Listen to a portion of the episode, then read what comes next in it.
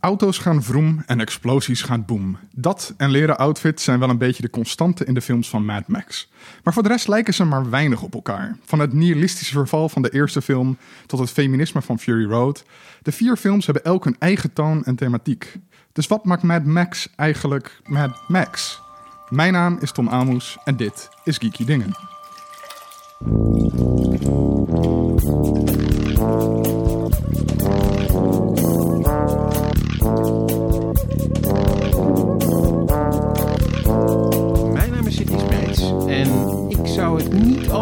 Overleven, denk ik, of uithouden in de wereld van Mad Max. Omdat ik eh, eh, nou, ten eerste niet van auto's hou en ook niet weet hoe ik moet sleutelen aan auto's.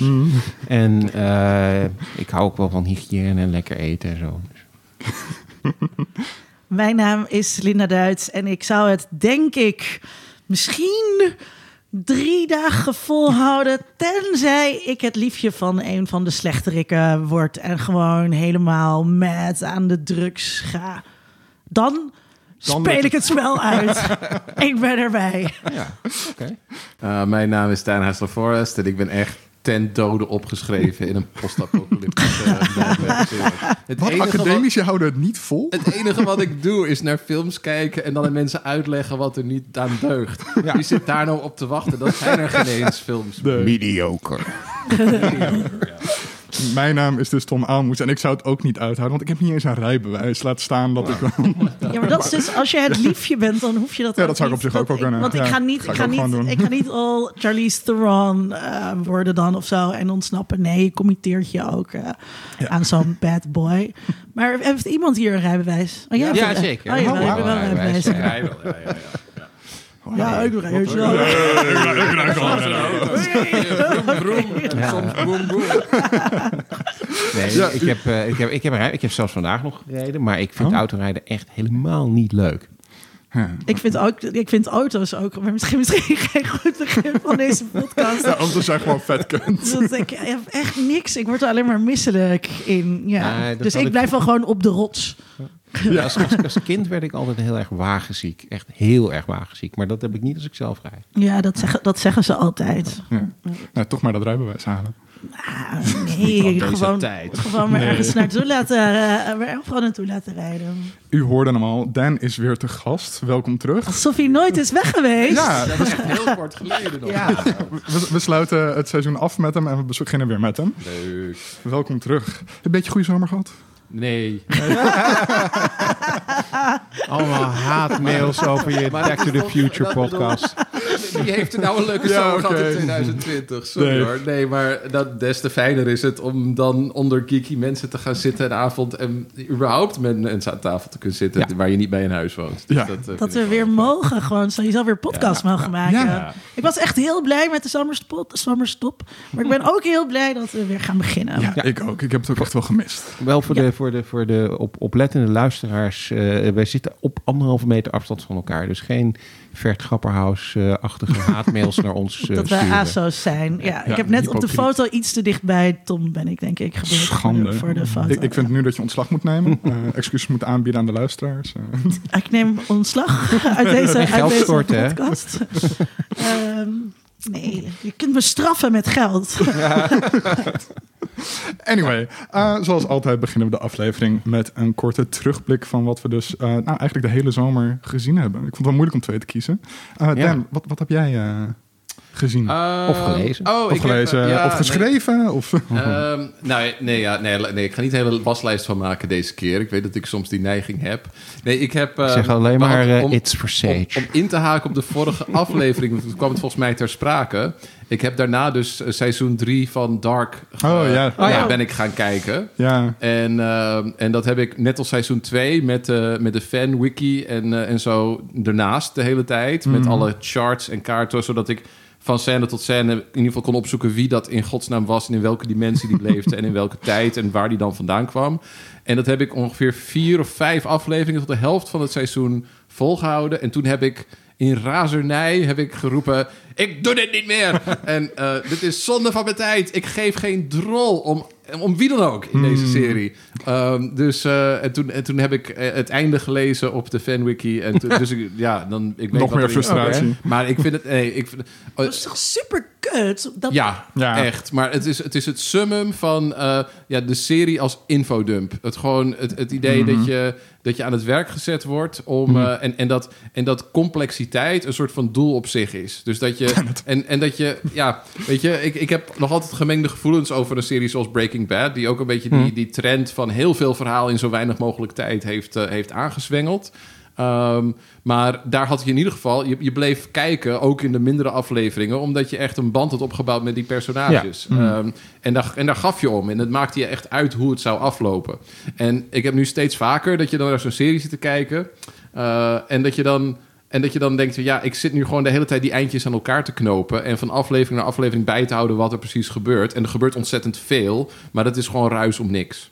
Dus eh, nee, ik, ging, eh, ik las daarna een artikel over, eh, over Star Trek. En hoe ze met Star Trek nu tegenwoordig natuurlijk ook bezig zijn met Picard en al die Ja. lange, snel, actievolle, eh, complexe verhalen toch wel. En hoe geen enkele van die nieuwe Star Trek-series ook maar iets van de echte charme heeft van die oude. Waarin je, oh, het is een data-aflevering, weet je wel. Hij komt deze keer wat meer op de voorgrond. Maar, maar ook ehm, eh, dat je... Ah, nee, kut!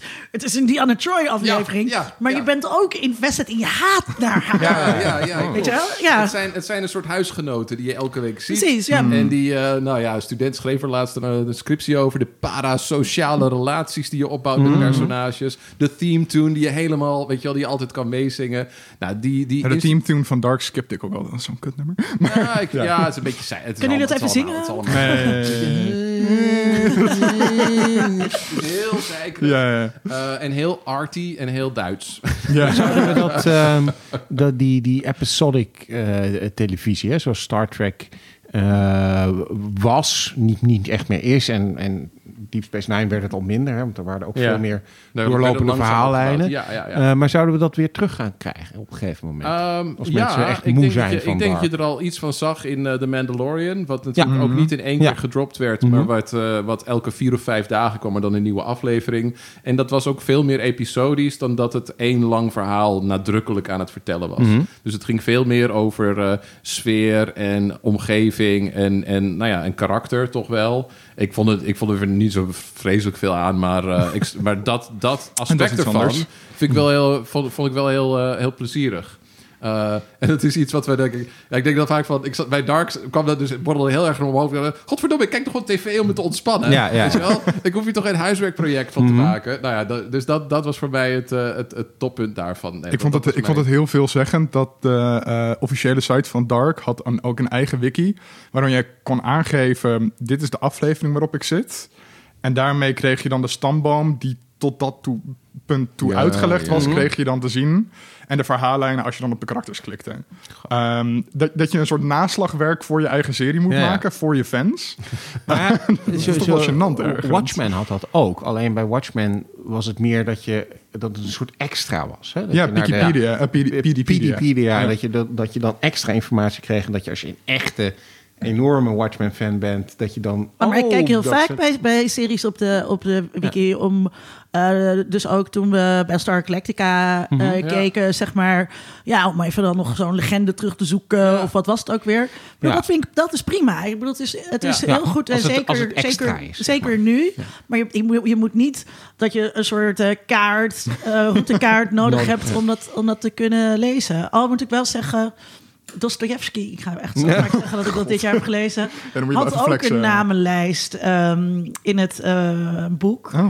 Maar dan in het boek, dus dat is dan toch ook wel weer anders, denk ik. Om, eh, omdat daar dus Ja, ook... dan hoef je niet een ander medium erbij te pakken. ja, en omdat in het Russisch heb je zeg maar, noemen ze mensen met dezelfde naam, noemen ze, spreken ze op verschillende soorten manieren aan. Ja. Dus dat was dan ook wel. Dat is dan wel handig. Goed, heb ik even Dostoevsky er ook weer ingevoerd, ingefietst. ik, voel me, ik voel me net promenade. Had je nog iets anders gekeken? Ja, maar ik, ik heb net beloofd dat ik geen hele waslijst zou doen. Deze Nee, maar ik, ik, ik, Je- je mag ik, twee. ik zit heel erg te hopen dat je het gaat hebben over You Don't Know Me. Ehm, Over, wat was dat ook alweer? De documentaire over showgirls. Oh ja! Nou ja. Juist. Ik, ik dacht dat is niet science fiction genoeg. Jawel, dat is we hebben het over Super dus nou het ja, mag. Dan, nee, dan mag dan, daar wil ik nog best Ja. wel over, eh, over, over, over, eh, over geeken, ja. Nee, ehm, ehm, ik had... Ik zag die poster op eh, Letterboxd, mijn Mhm. geeky film tracking site. En eh, dat hij heel veel sterretjes kreeg elke Ja. keer. En You Don't Know Me. En ik dacht, hè, dat, dat is dat gebaar uit Showgirls. En ik klikte erop. En er was ja, de nieuwe documentaire over eh, de, nou ja, de hele cultgeschiedenis van Showgirls. En ehm, ik, heb, ik, ik heb toen geprobeerd hem ergens te kijken. En dat lukte niet. Maar toen vond ik een goedkope DVD-site. Heb ik op Blu-ray uit Amerika Ja, besteld. ik ook. En, ehm, eh, Had dat gezegd, en ik, je die en ik, ik vind het gewoon leuk als, als, als, als echte fan van Verhoeven en van specifiek die film, om daar eens een film over te kijken. Mijn verwachtingen zijn nooit zo hoog, want het zijn bijna altijd pratende hoofden Ja. die anekdotes vertellen eh, over hoe, eh, hoe die film tot stand is gekomen en hoe leuk ze die hebben gevonden en, en zo. En, en daar, zit, daar is een bepaald soort nou ja, formule die daaronder zit, Mhm. die, heel, die eigenlijk heel flauw is. Het is een soort En- genre geworden Ja, ook, hè? Om, dit, om een soort her, herevaluatie van maar soort deze verraste me heel erg, omdat hij eh, ten eerste dus helemaal geen pratende hoofden bevat. Dus je hebt wel, je hebt een aantal mensen die in wezen hun perspectief hierop bieden, maar het heeft veel meer de vorm van een video-essay. Dus je ziet voortdurend scènes, eh, niet alleen uit Showgirls, maar eh, archiefbeelden en het hele oeuvre van Van Verhoeven, Verhoeven, ja. plus nog een hele hoop andere dingen. Dat is ontzettend mooi eh, allemaal gemonteerd, zodat de, nou ja, zodat de, de kijker, nou, een beetje podcastachtig gesprek waar je naar luistert, zodat het ook eh, ja, eigenlijk optimaal geïllustreerd wordt. Er zitten filmwetenschappers bij, er zitten radicale feministen bij, Ja. er zitten eh, eh, mensen uit de LHBT Ja. fanclub, zeg maar, van die film. En, en de, de crossdressers die, en de drag queens die daar echt een, een ding, een, een soort... Een musical hebben een- gemaakt een- ja, een musical van hebben gemaakt. Dat zit er ook in. Ehm, de, de, de, de film wordt ook opgepakt om het te hebben over, over gender, over abuse, over allerlei elementen die ontzettend, nou ja, eh, prangende maatschappelijke issues zijn, zonder dat het ooit zwaar op de hand wordt. Want het is allemaal aan de Ja. hand van Showgirls. Dus ik vond het echt een, eh, een hele leuke en mooie verrassing om, Mhm. om zo'n documentaire te zien die zo die en zo'n leuk onderwerp had. En die er ook, ja, die eigenlijk, ik had ik een beetje te- had verwacht van ja, dat het alleen maar een soort van romantiseren van die campiness ervan Ja. was. Van wat is het allemaal leuk. Maar er worden echt ook harde kritische, no- kritische noten gekraakt door Zeker. feministen die zeggen van ja, maar dit is echt, dit is echt weer zo'n film van een witte man die, die, die, die, ja. een, die eh, een bepaalde manier van vrouwelijkheid centraal wil stellen en haar kwetsbaarheid en haar eigenlijk ja, alleen maar de draak met haar wil Mhm. steken. Die actrice is natuurlijk, ja, haar carrière is gewoon Ja. kapot gemaakt door die film en dat, daar heeft hij nooit naar omgekeken of Nee. zo. Eh, ook ja, de- had ze ook maar zelf eh, een beetje eigen verantwoordelijkheid hoor, kutje. Ja, Ja. nou, Ja. Maar ik moet zeggen, jongen.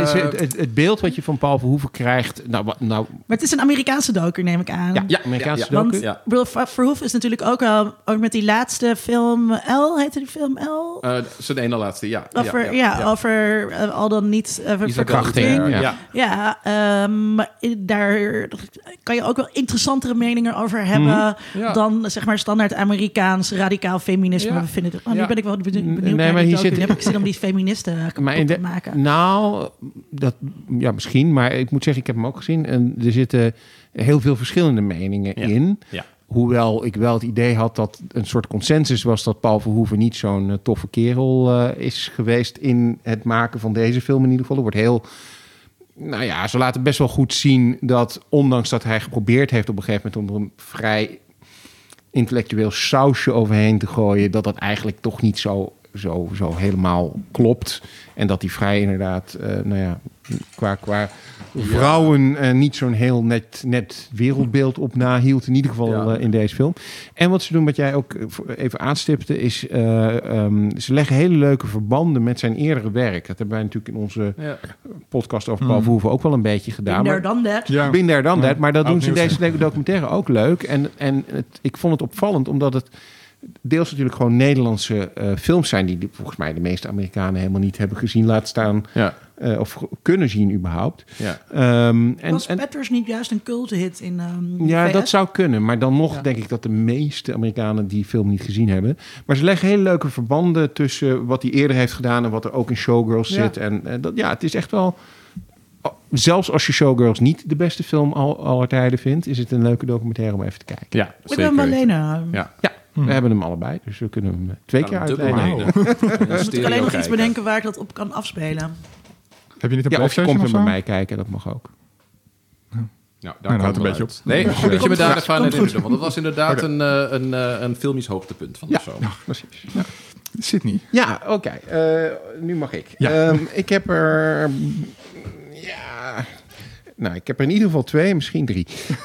Sydney had zijn lijst van Ja, tevoren al met ons gedeeld, het, zodat wij er wat Ja. dingen uit konden pikken. Eh, laat ik beginnen met eh, de eh, beste serie ooit gemaakt... die nu op Netflix te zien is. Oh. Cobra Kai. De spin-off serie van de Karate Kid. Juist, ja, ja, we hebben het er in eh, onze podcast al één keer eerder over gehad... toen die op YouTube eh, uitkwam, het eerste seizoen. En eh, toen was ik er al vrij enthousiast over. Het is, omdat die op YouTube uit is gekomen... een serie die eigenlijk hele korte afleveringen heeft. En dat is best wel lekker als je aan het kijken bent... dat het vrij snel gaat allemaal. ja. Het is dus niet een seizoen waar je een hele week mee bezig bent. Je kunt het gewoon op een middag kun je het kijken. En, eh, Netflix toch nu? staat nu op Netflix. En eh, dat was voordeel voor mij, want het eerste seizoen had ik op YouTube gekeken toen ik een of ander gratis abonnement op YouTube dingen had, waardoor je dat kon kijken. Maar het tweede seizoen had ik nog niet gezien, maar dat staat nu ook op Netflix. En ehm, het is gewoon heel leuk. Het is het, het, het steekt een beetje de draak met ehm, oude witte mannen. Eh, tot op zekere hoogte.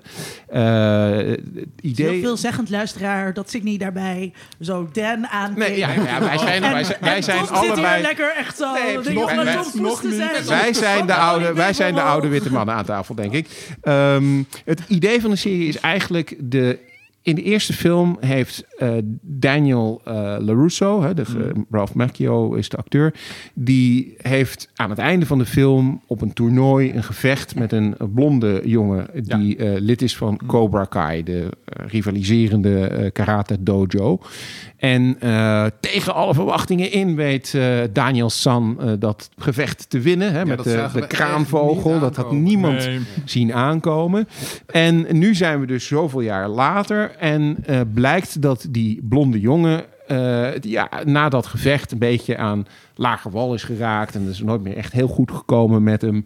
Eh, maar hij besluit zijn leven over een andere boeg te gooien. En de Cobra Kai dojo weer op te richten. En nou, daar komen dan allemaal mm, kinderen jongeren eh, eh, naartoe om eh, karate te leren. En eh, binnen de kortste keren raakt hij natuurlijk in conflict met Daniel LaRusso. Want die leeft ook nog. Hij is inmiddels overigens bijna 60. Dat wist ik helemaal Oh. niet dat hij eh, al zo oud was. Maar goed, eh, hij heeft eh, een, een, een, een, een autodealership. En hij besluit dan om... ehm, nou ja, toch eens een beetje verhaal te gaan halen bij die Cobra Kai van wat is er allemaal aan de, aan de hand. En zo ontwikkelen zich allerlei nou ja, rivaliteiten tussen de kinderen, tussen de heren. En eh, dat, dat ontwikkelt zich in het tweede seizoen verder door, want dan komt eh, de, de, de, de sensei van de eerste film, eh, meneer Kreese. En eh, die komt opeens weer terug. En die gaat zijn eigen rol spelen in die nieuwe dojo eh, van Cobra Kai. Nou, dat is natuurlijk een enorm schurk. Eh, en dat hele verhaal is gewoon heel leuk weergegeven. Het is een hele leuke manier om aan te haken op die oorspronkelijke films. Dus toch gewoon een, een, in de tegenwoordige tijd een nieuw verhaal te geven. Dezelfde acteurs te gebruiken. Wat ja, op zich niet per se noodzakelijk is. Maar, wat Maar die mensen hebben ook geld nodig. Precies, maar het geeft Ja. ook een soort extra dimensie. Omdat je gewoon ziet dat het dezelfde acteurs eh, eh, zijn. En ze weten dat gewoon op een hele leuke, eh, verrassende manier te doen. En ik denk dat als je ik denk dat het voor Dan ook geldt, destijds in de juiste leeftijd was om Karate Kid een leuke film te vinden. Dat je dit ook heel erg leuk vindt. En zelfs als je Karate Kid misschien helemaal niet leuk vond, dat je toch even moet kijken, omdat het echt wel de moeite waard is. Dus dat eh, was één, eh, één van mijn kijktips. En de andere waar ik mee begonnen ben is eh, Lovecraft Country. Dat Oh ja. is gebaseerd op een boek ehm, dat ook Lovecraft Country heette. Ehm, en wat het probeert te, te doen lijkt een klein beetje op wat Watchmen deed. Het gaat heel erg over racisme en over de positie van zwarte mensen in Amerika. Eh, het speelt zich af ergens in de jaren 50. Het is niet helemaal duidelijk wanneer precies, maar ergens in de jaren 50. En ze gebruiken een aantal tropes uit de boeken van Lovecraft eh, om het verhaal ja, op gang te brengen. Dus eh, wat er eigenlijk gebeurt is, er wordt een soort roadtrip ondernomen door de hoofdrolspeler, die op zoek gaat naar zijn vader, die is vermist. En eh, tijdens die zoektocht komen ze eh, in aanraking met eh, allerlei racistische politieagenten, et cetera. En ook met monsters à la Lovecraft. Ehm, hoe het verhaal zich verder precies gaat ontwikkelen is een beetje onduidelijk. Het is een hele aparte serie. Het is, het is niet, eh, eh, niet een heel duidelijk lineair verhaal. Het is ook niet heel duidelijk waar ze precies heen gaan en wat ze precies willen. Ehm, maar er zitten in ieder geval heel veel bovennatuurlijke elementen in. Heel veel science fiction elementen in. Het is ook ergens een beetje raar, of misschien wordt dat heel goed uitgelegd in latere afleveringen, om Lovecraft te gebruiken. Want die was nou niet bepaald eh antiracistisch. Ja, ik denk dat dat juist zeggen. het idee Ik van die serie is. Om die, legacy Ja, van ja. Lovecraft te pakken en er iets, iets nieuws, iets interessants mee gaan, gaan doen. Eh daar zijn ze expliciet over, ook in de eerste aflevering, dat ze dan de boekhouder Mhm. van... ja, ik kan het nog steeds een goed verhaal vinden... los van wat die maker er verder in deed... en wat voor Ja. racistische bagger die er ook in zijn verhaal heeft gestopt. Het kan nog steeds wel goede elementjes uit zijn. Ja. En ik denk dat die serie op die manier probeert... of het slaagt is een tweede. Mhm. ik, ik vind het niet echt een hele goede serie. Ik ben eh gestopt halverwege de tweede aflevering. De tweede Ja. aflevering is ook wel heel verwarrend, vond ik. Ja, ik had na de Ja. tweede aflevering leek echt alsof je ehm, alsof het al een heel seizoen televisie was geweest, Klopt, maar dan ja. gecondenseerd tot twee, Twee uurtjes. afleveringen, ja. Ja. En, dat, eh, en, en aflevering drie dacht ik ook echt van, hè, hè? En zijn we, nu, zijn we nu aan het derde seizoen begonnen of zo? Ehm, er zit ook iets in, en ik heb toevallig net, had ik dus ook Watchmen net Mhm. opnieuw bekeken hiervoor. Ehm, en dan, en ja, daar voel je meteen aan alle muziekkeuzes en montage en de, de, de, tempo van het verhaal dat je in hele goede handen bent. Dat, je, dat heeft gewoon een heel duidelijke vorm en, en richting. En hier zitten ontzettend goede acteurs in. En er zitten ook ontzettend krachtige momenten in. Aflevering 3 zit een aantal... Ik zou zeker wel doorkijken. Aflevering 3 zaten een aantal van de leukste momenten... in ieder geval tot nu toe. Maar het is nog inderdaad... Het, zijn, eh, het is moeilijk om nu nog al- om grip erop te Ja. krijgen. En voor een deel Ja. is het ook voor mij de muziek... die ergens vaak de scènes juist tegen lijkt te werken. Ja. En, de, Mhm. en dat op het moment dat die grote CGI-monsters losbarsten... Ja. Dan, eh, dan ziet het er heel... Ja, het deed me een beetje... Het ziet er heel verzorgd uit, maar het deed me ook een beetje denken aan die lelijke CGI-slangen zoals Anaconda en zo. Ja, in, die, in de ja. jaren negentig films toen ineens allerlei grote monsters overal moesten, Mhm. moesten komen opdagen. Het, het, het doet... Het deed mij helemaal niks om er naar te Nee. kijken. Het, was, het, was, is geen horrorserie of zo. Dus al zelfs al, al, nee. al pakt het wat horror-elementen, het is op geen enkel punt eng. Het is meer Nou, actieavontuur. Ja, in aflevering 3 zitten een paar echte mooie, onheimische momenten die echt wel griezelig zijn. eh, of iets griezeligs hebben. Maar ja, het moet daar voor mijn gevoel ook nog steeds... Die, die acteurs en die karakters hebben heel veel potentie. Ja. Maar dat komt nog niet zo... Maar ja, het is een tien afleveringen serie. Ja, Ja, Dus precies. Dus ik ben, moet ik ben benieuwd doorzetten. hoe het zich gaat ontwikkelen. Wat ik wel heel interessant vond is... dat had ik kon me niet direct herinneren dat ik dat in een andere serie heb, eh, heb gezien. Is dat ze op sommige momenten kiezen ze ervoor om niet muziek te gebruiken, maar om speeches of, eh, of voordrachten van teksten Mm. eh, te gebruiken. Nee, je bedoelt dat Gil Scott Heron gebruikt. bijvoorbeeld Ja. van de Whitey on the Moon Ja. en, en dat soort Ja, dingen. Ja. Ehm, dat vond ik interessant. Gewoon omdat het krachtige teksten zijn die waar ik wel af en toe zoiets had van wat is precies de relatie met wat ik nu aan het zien ben en Ja. wat ik hoor. Maar ik vond het wel een interessante keuze om dat Ja. te doen. En ik denk dat het iets is waar je ook veel meer mee zou kunnen doen. En dat is het nu misschien nog een beetje als een gimmick gebruiken. Maar dat het Ja. hopelijk misschien in de loop van de serie iets relevanter wordt. Ja. Nou, ik denk in ieder geval dat in, in zo'n Netflix-tijdperk... waarin het toch wel vaak voelt alsof dingen door een algoritme in elkaar Mhm. zijn gestoken... is dit wel echt iets een beetje geks. Ja, Ja, dat, ja. ja, het wijkt een af. beetje experimenteel. Dat daar hou ik ook wel van. En de acteurs zijn echt, echt waanzinnig. Oké, nou dan kies ik er toch voor om stiekem nog één, eh één nou, derde... nou, snel. derde tipje te doen. Eh, dat is de film eh, Freaks. Er zijn meerdere films die Freaks heten, maar deze film is uit 2018. Staat nu op Prime Video en heeft in de hoofdrol Emil Hirsch en Bruce Dern. En Bruce Dern eh, is, vind ik sowieso al een reden op zich om, om een film te kijken als hij erin zit. Ehm, het verhaal past helemaal bij alle nieuwe series en films die de laatste tijd verschijnen. Namelijk, er zijn mensen met superkrachten.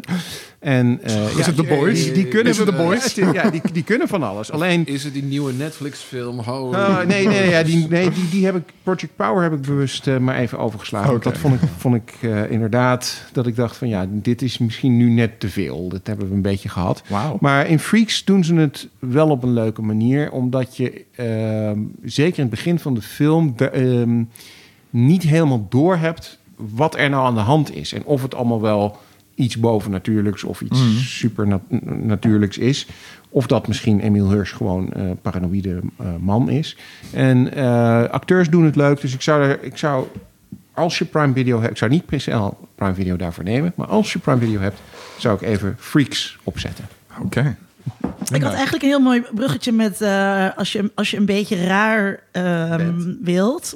ehm, naar wat ik had gekeken. Ik heb echt de beste film ever gekeken. Oké, het was echt zo ontzettend. Het was zo ontzettend grappig. The Jerk. The Jerk, want ik heb hem laatst... Nee. Eurovision, The Story of Fire Saga. Het is, nee, maar het is echt, het is zo grappig. Het is ehm, Will Ferrell en ehm, hoe heet ze?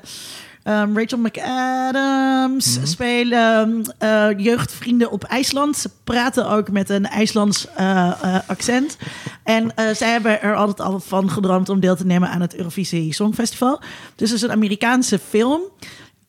Maar volgens mij kan je het als Europeaan dus niet, of als Amerikaan niet begrijpen. Want het gaat gewoon over, over Eurovision. En Eurovision is zoiets raars. En eh, voor, maar voor ons is dat allemaal normaal. Als dan Ja. een Noorse band gaat spelen, die dan allemaal weet je, maskers op hebben, en oergeluiden maken en zo, dan denken we, oh ja, zo is Eurovisie. Eh, dus ik ben heel Dat benieuwd. kan hier gewoon. Dat kan hier gewoon hoe Amerikanen daarnaar kijken. En het is eh, ontzettend grappig gedaan en leuk gedaan. En je ziet gewoon dat die mensen, terwijl ze het maakten, helemaal in een deuk hebben moeten Ja. gelegen. Dat gewoon bij het schrijven, bij het acteren, bij het alles. Ehm, dit, maar de liedjes zijn zo- goed. Dat maakt Ja. het. Dat Het zijn echte dat- Eurovision liedjes. Dat, ja, maar Die zijn, ze zijn grappig en niet zo... Ja, ik, moest, ik moest denken aan The Mighty Wind. Dat is een van mijn favoriete films. Maar over oude folkmuzikanten die opnieuw bij elkaar komen. Die film is ook zo leuk omdat de liedjes goed werken. Het is een, het- je, als je goede liedjes hebt in zo'n soort film... waarin het gaat om zotte muzikale performances... ja. Ja, dan moeten de liedjes goed zijn. De, lied- Maar de ook- liedjes, de liedjes zijn goed. En Ja. wat je, wat je net zei over Karate Kid, hè, aan het einde, je weet gewoon hè, dat Ralph Macchio het dan toch gaat redden. Hier weet je, je weet natuurlijk hier ook hoe die film gaat Ja, ja, ja, verlopen. Ehm, maar toch, toch ben je, zit, Ja, zit je, ja. echt, voor ze, zit je echt voor ze te juichen eh, en die eh, op de bank. die, die Ja, Rus. ja, ja. En er is dus Die inderdaad een Rus en... He, en him die, pronoun, He, him. pronouns? Ja. Pronoun he, him. die is zo gay als je maar kan No, zijn. no, no. It's no gay, it's no gay people in Russia. No, no no. gay people in Russia. en ook dat is eh, zo ontzettend leuk gedaan. Dus ik werd Mhm. hier echt blijer dan blij van. Ja, en wat, wat goed werkt aan die film is dat het geen persiflage of, of, of Ja, ik wilde net Eh, vragen ook van, het, het is vanuit het is- de het maakt- Amerikaanse maakt schrijvers, is dan niet nee. Europeanen het, belachelijk het is, maken? het, is een ex, het is de ultieme geeky film. ja, het is, maar Dus het, is, zij het is zijn- eigenlijk een liefdesbrief aan Euro. Ja, dus fandom. ja. Zij, zij zijn super fan van het Eurovisie Songfestival. En eh, blijkbaar die makers dus ook. Want anders kan je niet eh, zo'n film maken met zoveel liefde voor een object wat natuurlijk ehm, eh, duizend dingen tot Ja. duizend dingen is gemaakt in Europa. Eh, campy en gay en eh, de strijd tussen de, de Oostbloklanden die in één keer allemaal een eigen land werden en dat het toen allemaal anders werd en de, de kostuums en de danspasjes en de commentator, alles zit erin, maar ook een heleboel liefde. Ja. nou ja, Will Ferrell schijnt gewoon echt een enorme Eurovision-fan eh, te zijn. Ja, wat ook heel grappig was. ehm, de vader van eh, Will Ferrell wordt eh, gespeeld door Ja. Pierce Brosnan. En dat hadden wij dus niet door. Ehm, dus, eh, eh, en, dus die vader speelt dus zijn vader, in een klein, IJ- zijn vader in een klein IJslands dorpje... die blijkbaar met alle vrouwen van het dorp heeft gedaan. En wij zaten echt zo... Oh mijn god, oh, wat is dit een knappe vader. Oh, jeetje, wat is dat een ontzettend extreem knappe man. En toen pas bij de aftiteling... zagen we dat Oh, daarom is het. Zei Ja. James fucking Bond. Het is fucking James Bond waar we zo op hebben zitten glijden. Over glijden gesproken.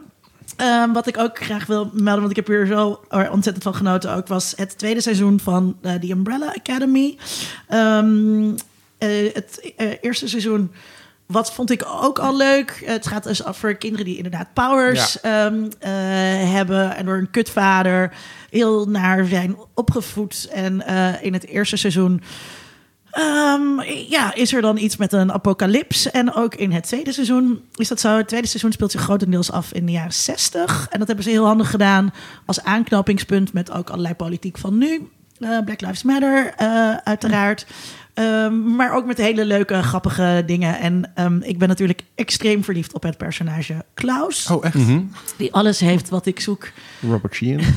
Precies. um, en hij, heeft ook, hij is zo grappig ook uh, dit seizoen. Dus hij is per ongeluk een guru geworden met heel veel volgelingen. En dat, uh, en dat was Ja, de 60 helemaal... was daar wel de tijd voor, ja. ja, precies. En maar ja, ze hebben het gewoon... Het is ook... Hier zit ook heel veel liefde in. Of het is heel, ge, het is heel geinig. Hebben ze, het, ze hebben het heel geinig... Ja. Uh, aangepakt. vond het eerste seizoen was soms wat zwaar op de hand. En dat was, dat was hier weg eigenlijk. En um, je weet dat je het als serie echt lekker doet. Als je daarna, als je klaar bent met zo'n tweede seizoen... en ook weer zin krijgt om dan het eerste seizoen weer helemaal ja. te gaan kijken. Ja. Waar ik toen ook weer aan ben ze, begonnen. Ze hebben iets... Uh, ik denk dat het de chemie tussen die... Um, acteurs ook, ook is. Wat ze waarschijnlijk in het eerste seizoen met elkaar gevonden hebben. En waar je in het eerste seizoen inderdaad ook zelf als kijker er nog een beetje in het komen bent. Van nou, wat is dit en hoe verhouden ze zich erop? Maar, maar in dit tweede seizoen voel je dat ze, dat ze helemaal in hun element zijn. Dat ze helemaal zoiets hebben van nou, wij doen dit en wij vinden dit leuk om te doen. En we Mm. weten ook hoe we het moeten doen. En dat, dat spat er gewoon helemaal van af. Het is echt gewoon, ehm, ja, het is gewoon heel goed. Ja, ja, Ja. ja, ja, ja, precies. Ja, het is heel, heel goed gemaakt en echt heel leuk.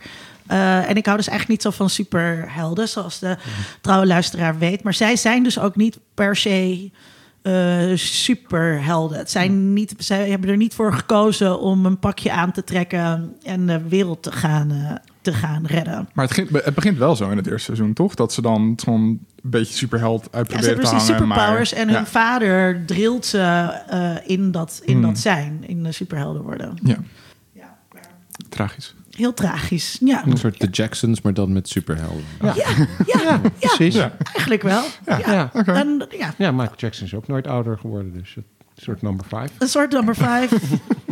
ja, ik denk dat we het hierbij even moeten laten. Ja. Voor de rest, let's not go there.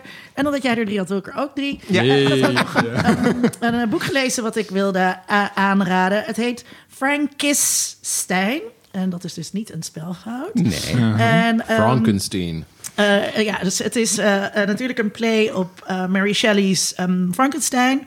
Het boek is van um, Janet Winterson. En um, het speelt zich zowel in het nu af als vroeger. Dus een deel gaat over Mary Shelley en hoe het voor haar was om Frankenstein te schrijven. En ondertussen met haar man, de dichter mm -hmm. Shelley, mm -hmm. te zijn.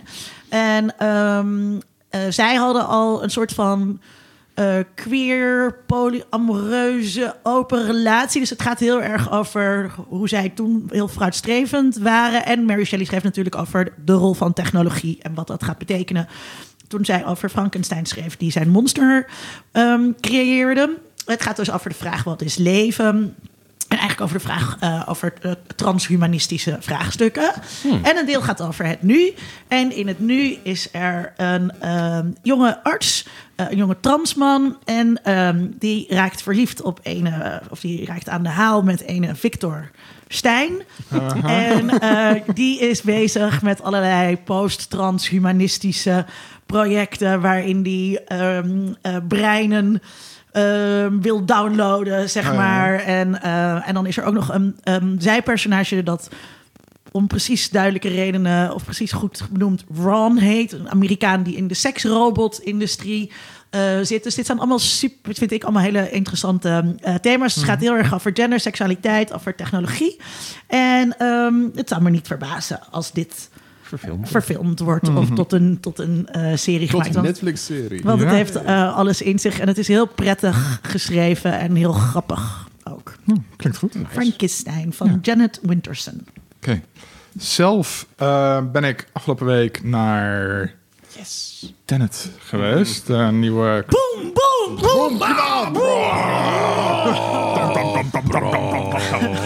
Zomaar echt zo. Ook dat er gewoon, er gebeurt eigenlijk helemaal niks, maar dan zo.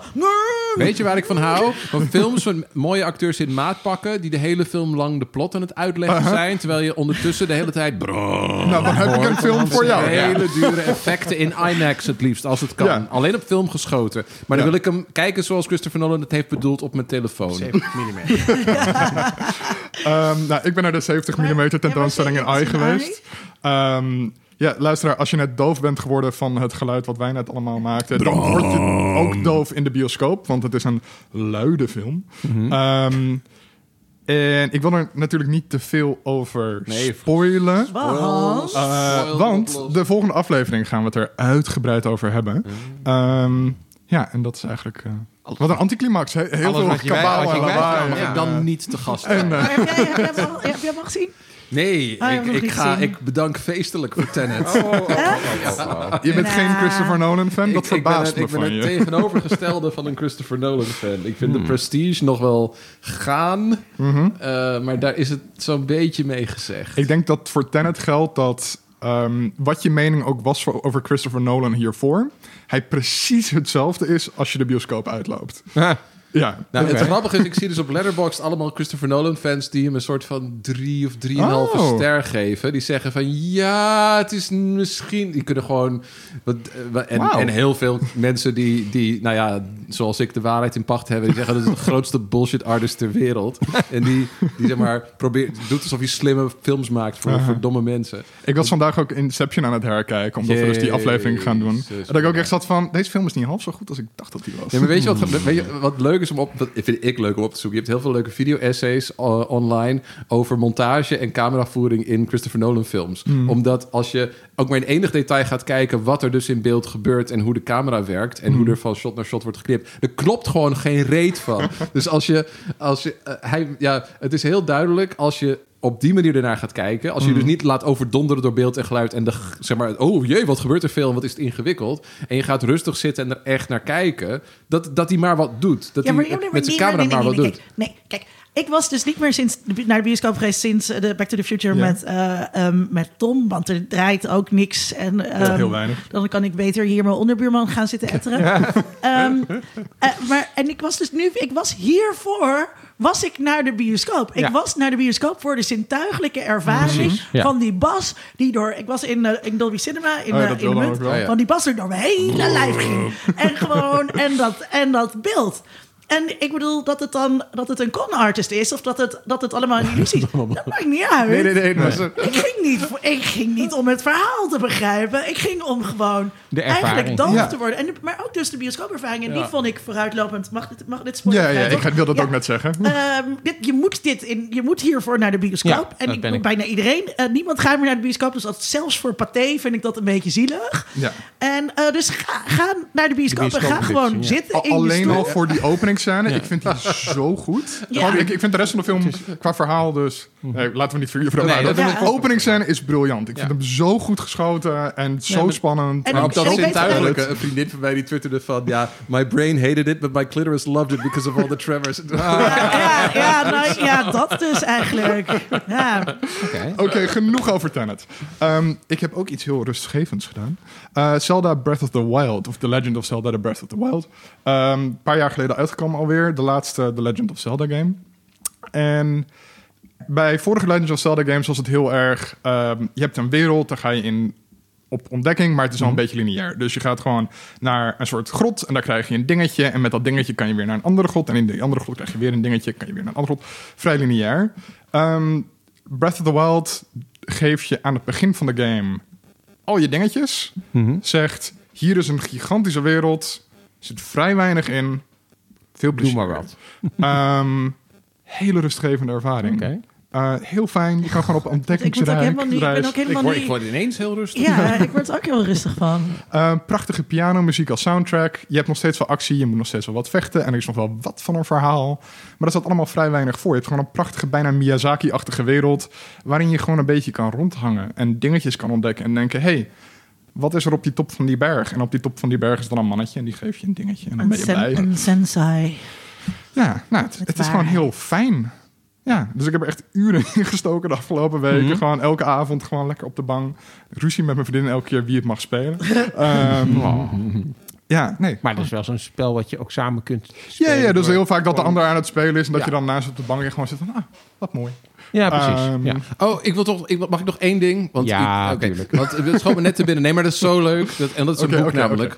Eh, ik, had, ik heb deze zomer... eh, eh, een van de science fiction boeken die ik las... die ik echt wil aanbevelen is Children of Ruin. Heeft iemand ervan gehoord? Nog Nee. niet. Uh, Children of Ruin is het vervolg op Children of Time.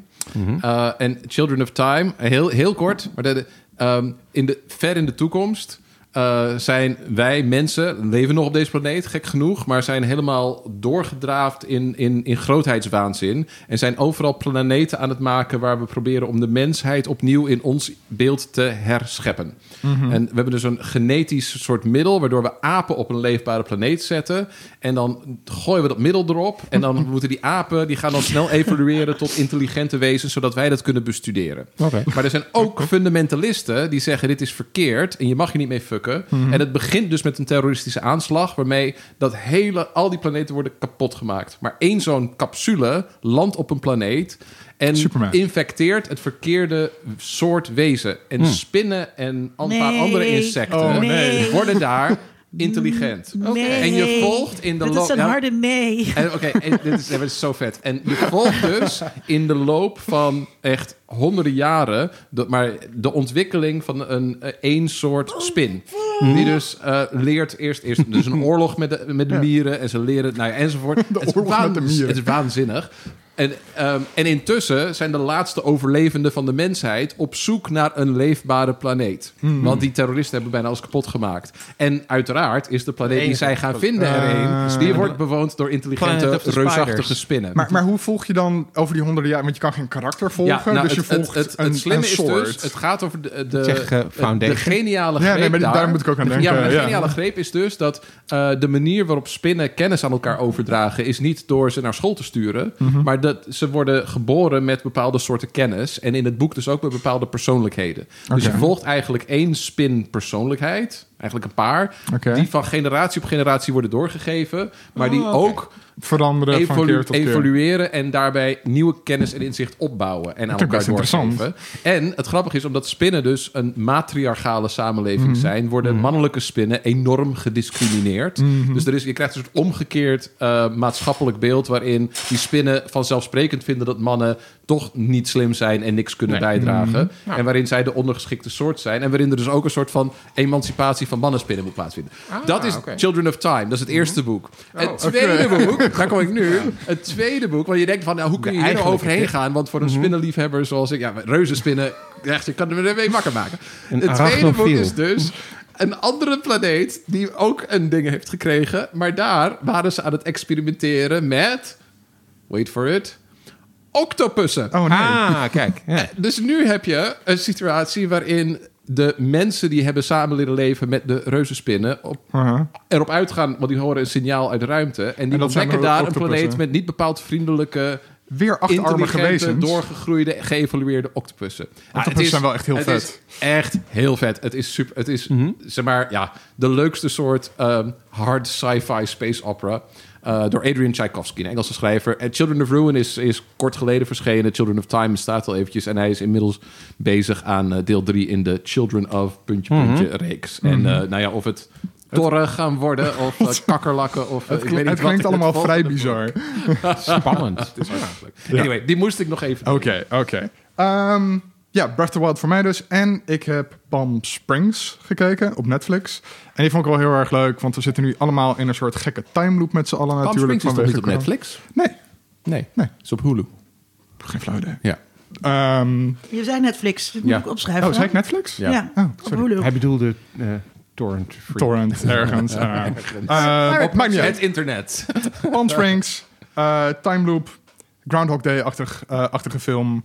Ehm, en nu heel erg relatable, omdat je elke dag wakker wordt en zegt Ja. van... Ah, meer van hetzelfde. Eh, en dat maakt die, dat die time loop film een soort...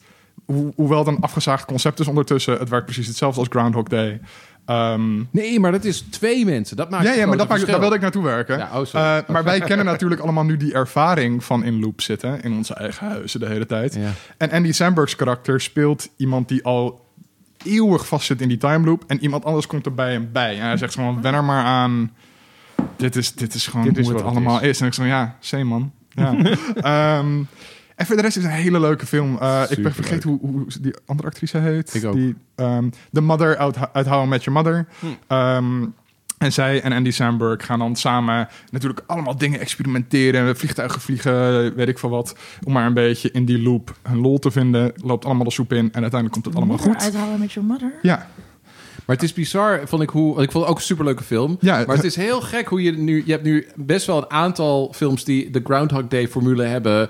eh, nou ja, dat iets mee hebben gedaan. Dus je hebt eh, Edge of Tomorrow, ook Oh ja. bekend Mhm. als eh, Live Die Repeat met Tom Cruise. Oh, echt Super- een moeder die je dus bijna nooit ziet. ja, de, de Oh, moeder. Super, Ja, niet- niet de super dingen, oké. leuke film. ja. Eh, Ja. Maar Zij dus Groundhog Day, maar dan als science fiction oorlogsfilm. Kristen Milioti. Oké. Hey, praten we niet ermee?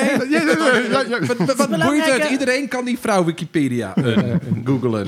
Ehm, Edge of Tomorrow. Maar Edge of Tomorrow is zeg maar Groundhog Day, maar dan Starship Troopers. Mhm. Eh, je hebt eh, Happy Death Day to You en Ja, de en- nog leukere sequel eh, Happy twee, Death ja. Day. eh, Nee, het is Happy Death Day en Happy Death Day 2. to- oh ja, Happy Death Day en Happy Death Day to You, Ja. precies. Sequel bijna nog leuker, want meer science fiction. Eh, dat is een Groundhog Day, maar dan een slasher.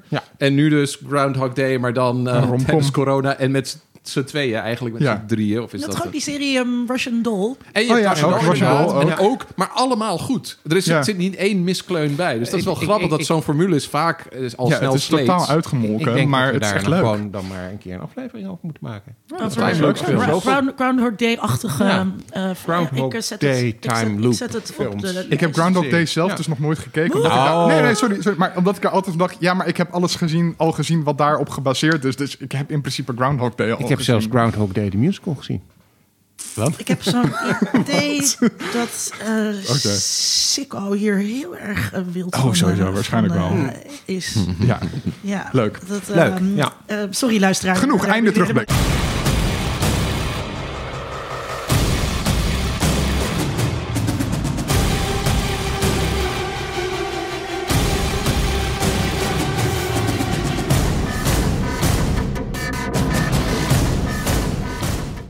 Ja, Mad Max had ik dus eigenlijk ook nog nooit gezien. Ik had alleen maar Fury Road gezien. en ik dacht, oh, dit is de enige goede film uit die serie. Eh, dus Nou, daar, laat ik het wel bij. Dat viel wel Eh, mee, toch? Ja, dat viel Ja. wel mee.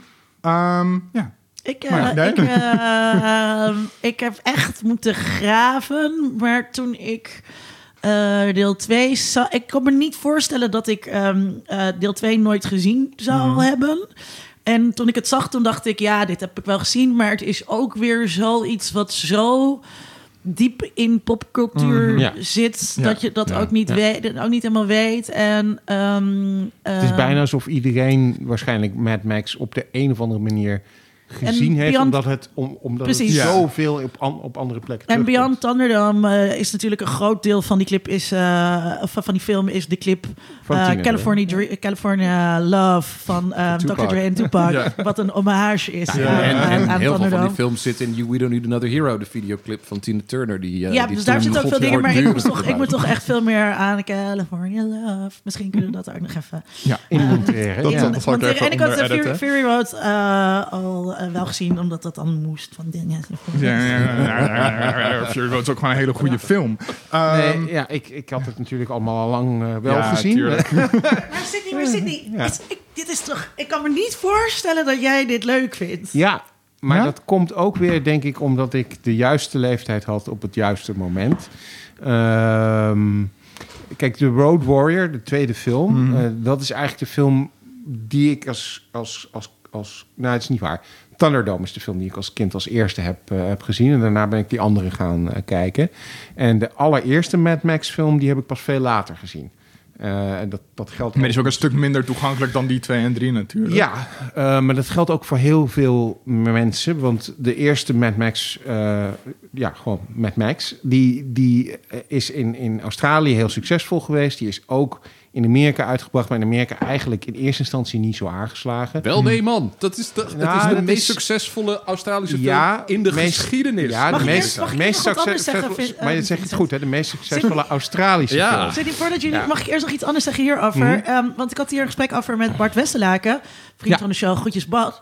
Ehm, dat, ehm, eh, die had ook erg genoten van de Back to the Future eh, film, Mhm. eh, aflevering. Maar het maakt, dus, het maakt dus heel veel uit inderdaad als we het hebben over iets wat we hebben gekeken toen we klein waren. Waar Ja, we een soort zeker, over hebben van toen we klein waren. Of je gaat zeg maar met de blik van nu, die gewoon soms heel irritant is omdat je feministische mediawetenschapper bent, naar iets kijken. En dat, dat, dat kleurt wel. verschil, Kleurt, ja, zeker. want ik Ja. had, we hadden toch een hele andere He-Man aflevering gemaakt als ik dit nog nooit had. Als Dat ik denk nooit had gekeken. Dat, Maar dat, dat wil ik nog even zeggen daarover. Nou Mag je nu weer verder tot jullie even- discussie even over over, de- impact de- van Mad Max deel 1 in Amerika? In, eh, ja, de- ja, een hele succesvolle eh, Australische film. Hè? Os, Osplo- Osploitation film. Eh, maar nog steeds, ook al ben je een hele succesvolle Australische film... dan heb je nog steeds niet zo'n heel groot publiek bereikt in de Verenigde Staten. En dat was de reden waarom ze de tweede film ook niet Mad Max 2 hebben genoemd... maar The Road Warrior hebben genoemd. Omdat ze dachten van ja, niemand weet wat Mad Max is... dus als wij het Mad Max 2 noemen, dan snapt niemand het. Ja. En daarom is het verhaal van die tweede film ook eigenlijk... nou ja, het heeft Er staat veel meer op zichzelf. Iets te maken. Je kunt er iets in zien wat te maken heeft met de eerste film, maar eigenlijk is het gewoon een compleet nieuw verhaal wat er verteld wordt. Ja, maar dat heeft ook. Dat, ja, dat, dat, het klopt voor een deel wat je zegt. Maar Nou, het, is oh, ook, dat- het is ook omdat een andere distributeur hem had. En die wilde Ja. dus niet. eh, en, het komt, en het heeft dus ook met genre te maken. Want Mad Max. eh, dus de film Mad Max en Mad Max 2, die in sommige landen dus als Wel, The ja. Road Warrior is uitgebracht. In andere als Mad Max 2, dubbele punt, The Road Warrior. Ja. En, en heel veel dus Mad Max 2 gewoon. Ehm, ook heel veel plekken waar die dus op de poster Road Warrior stond. En, maar in de titels stond wel gewoon nog steeds Mad Max 2. Ehm, die, eh, de eerste is een, eh, eigenlijk een, een eh, politie-actiefilm. Ja. Met hele milde science fiction-achtige elementen. Dus het idee dat het, in, nou ja, dat het zich morgen afspeelt, Ja. zeg maar.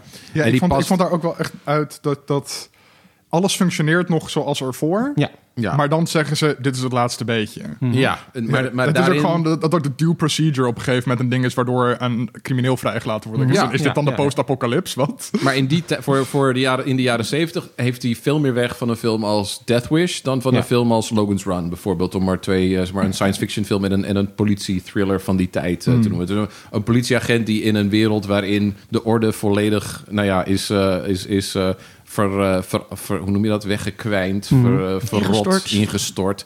Je hebt een heel, eh, een heel iconisch beeld uit die film dat ik ooit gescreengrabbed heb met de, de, de, de Halls of Justice. Ja. Dat is dan een Ja, soort ja. weeshuis wat helemaal overgroeid is met planten over dat bord van ja, oh, de recht, rechtvaardigheid bestaat hier niet meer.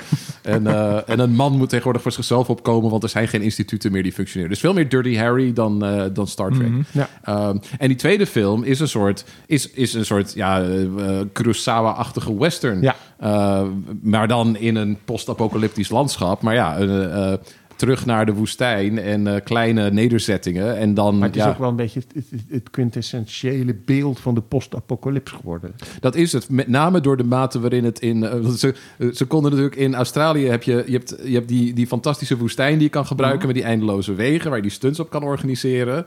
En je kan dus, ja, dat is een hele mooie plek om zo'n post-apocalypse te verbeelden. Want je doet met die mensen die wat leren Ja. pakken aan en wat gekke dingen. En je verbouwt wat auto's en je, en je, bent, er al, je bent er al zo wat. Maar even, maar dat, maar dat bleek ik- dus voor videoclips met name. En voor Europese eh, low-budget genrefilms. Bleek dat een gouden formule. Dus je kreeg na Mad Max kreeg je echt vooral in videoclips. Dus de ene Ja. na de andere die zich dus eh, van, van Billy Ocean's eh, Loverboy... waar ook nog een soort van Star Wars elementjes in zitten. Allemaal van die videoclips van mensen van... we gaan in de woestijn staan. We doen een beetje gekke punkachtige kleren aan. En dan zijn we in een soort... En, en dus Italiaanse en Spaanse films die net zoiets deden. Ehm, ik eh, heb. eh, eh, Oké.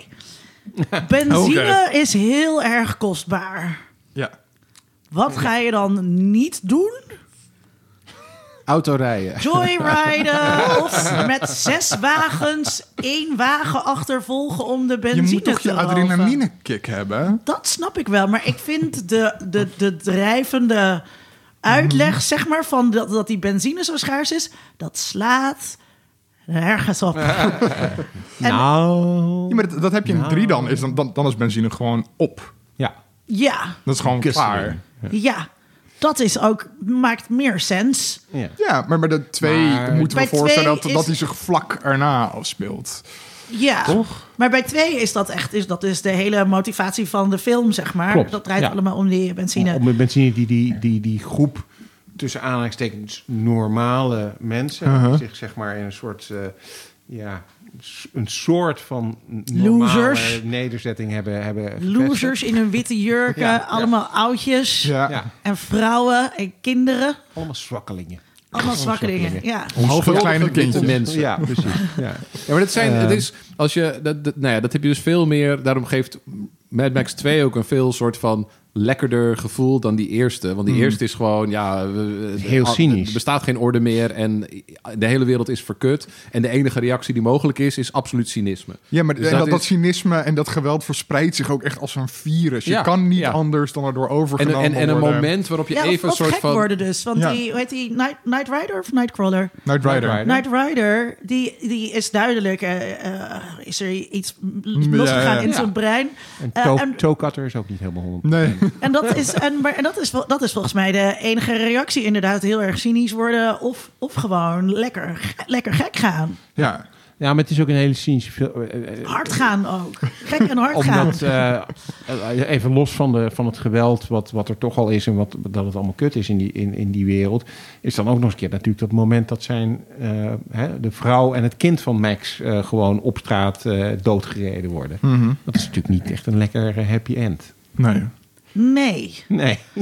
Nee. Nee, maar dat is niet het eind. Dat is, Nee, is dat niet is- het einde, Nee, want dan, dan komt... Het, het, bedoel, het Dan is wordt Ma- film- Max eindelijk Dan mad. wordt hij mad. Het is, het is precies hetzelfde als Dirty Harry die eindigt met dat hij zegt... ja, maar politieman zijn heeft dus ook geen zin meer. Want je wordt in allemaal regels gelegd en het is allemaal corrupt en allemaal verrot. Dus eh, dat eindigt met Clint Eastwood die zijn sheriffster neemt... en die in de vuilnis of op straat gooit van flikker op met dat ding. En zo is het hier ook. Het past heel erg in een soort heel reactionaire jaren zeventig eh, moet je het Amerikaanse politiefilm. Van,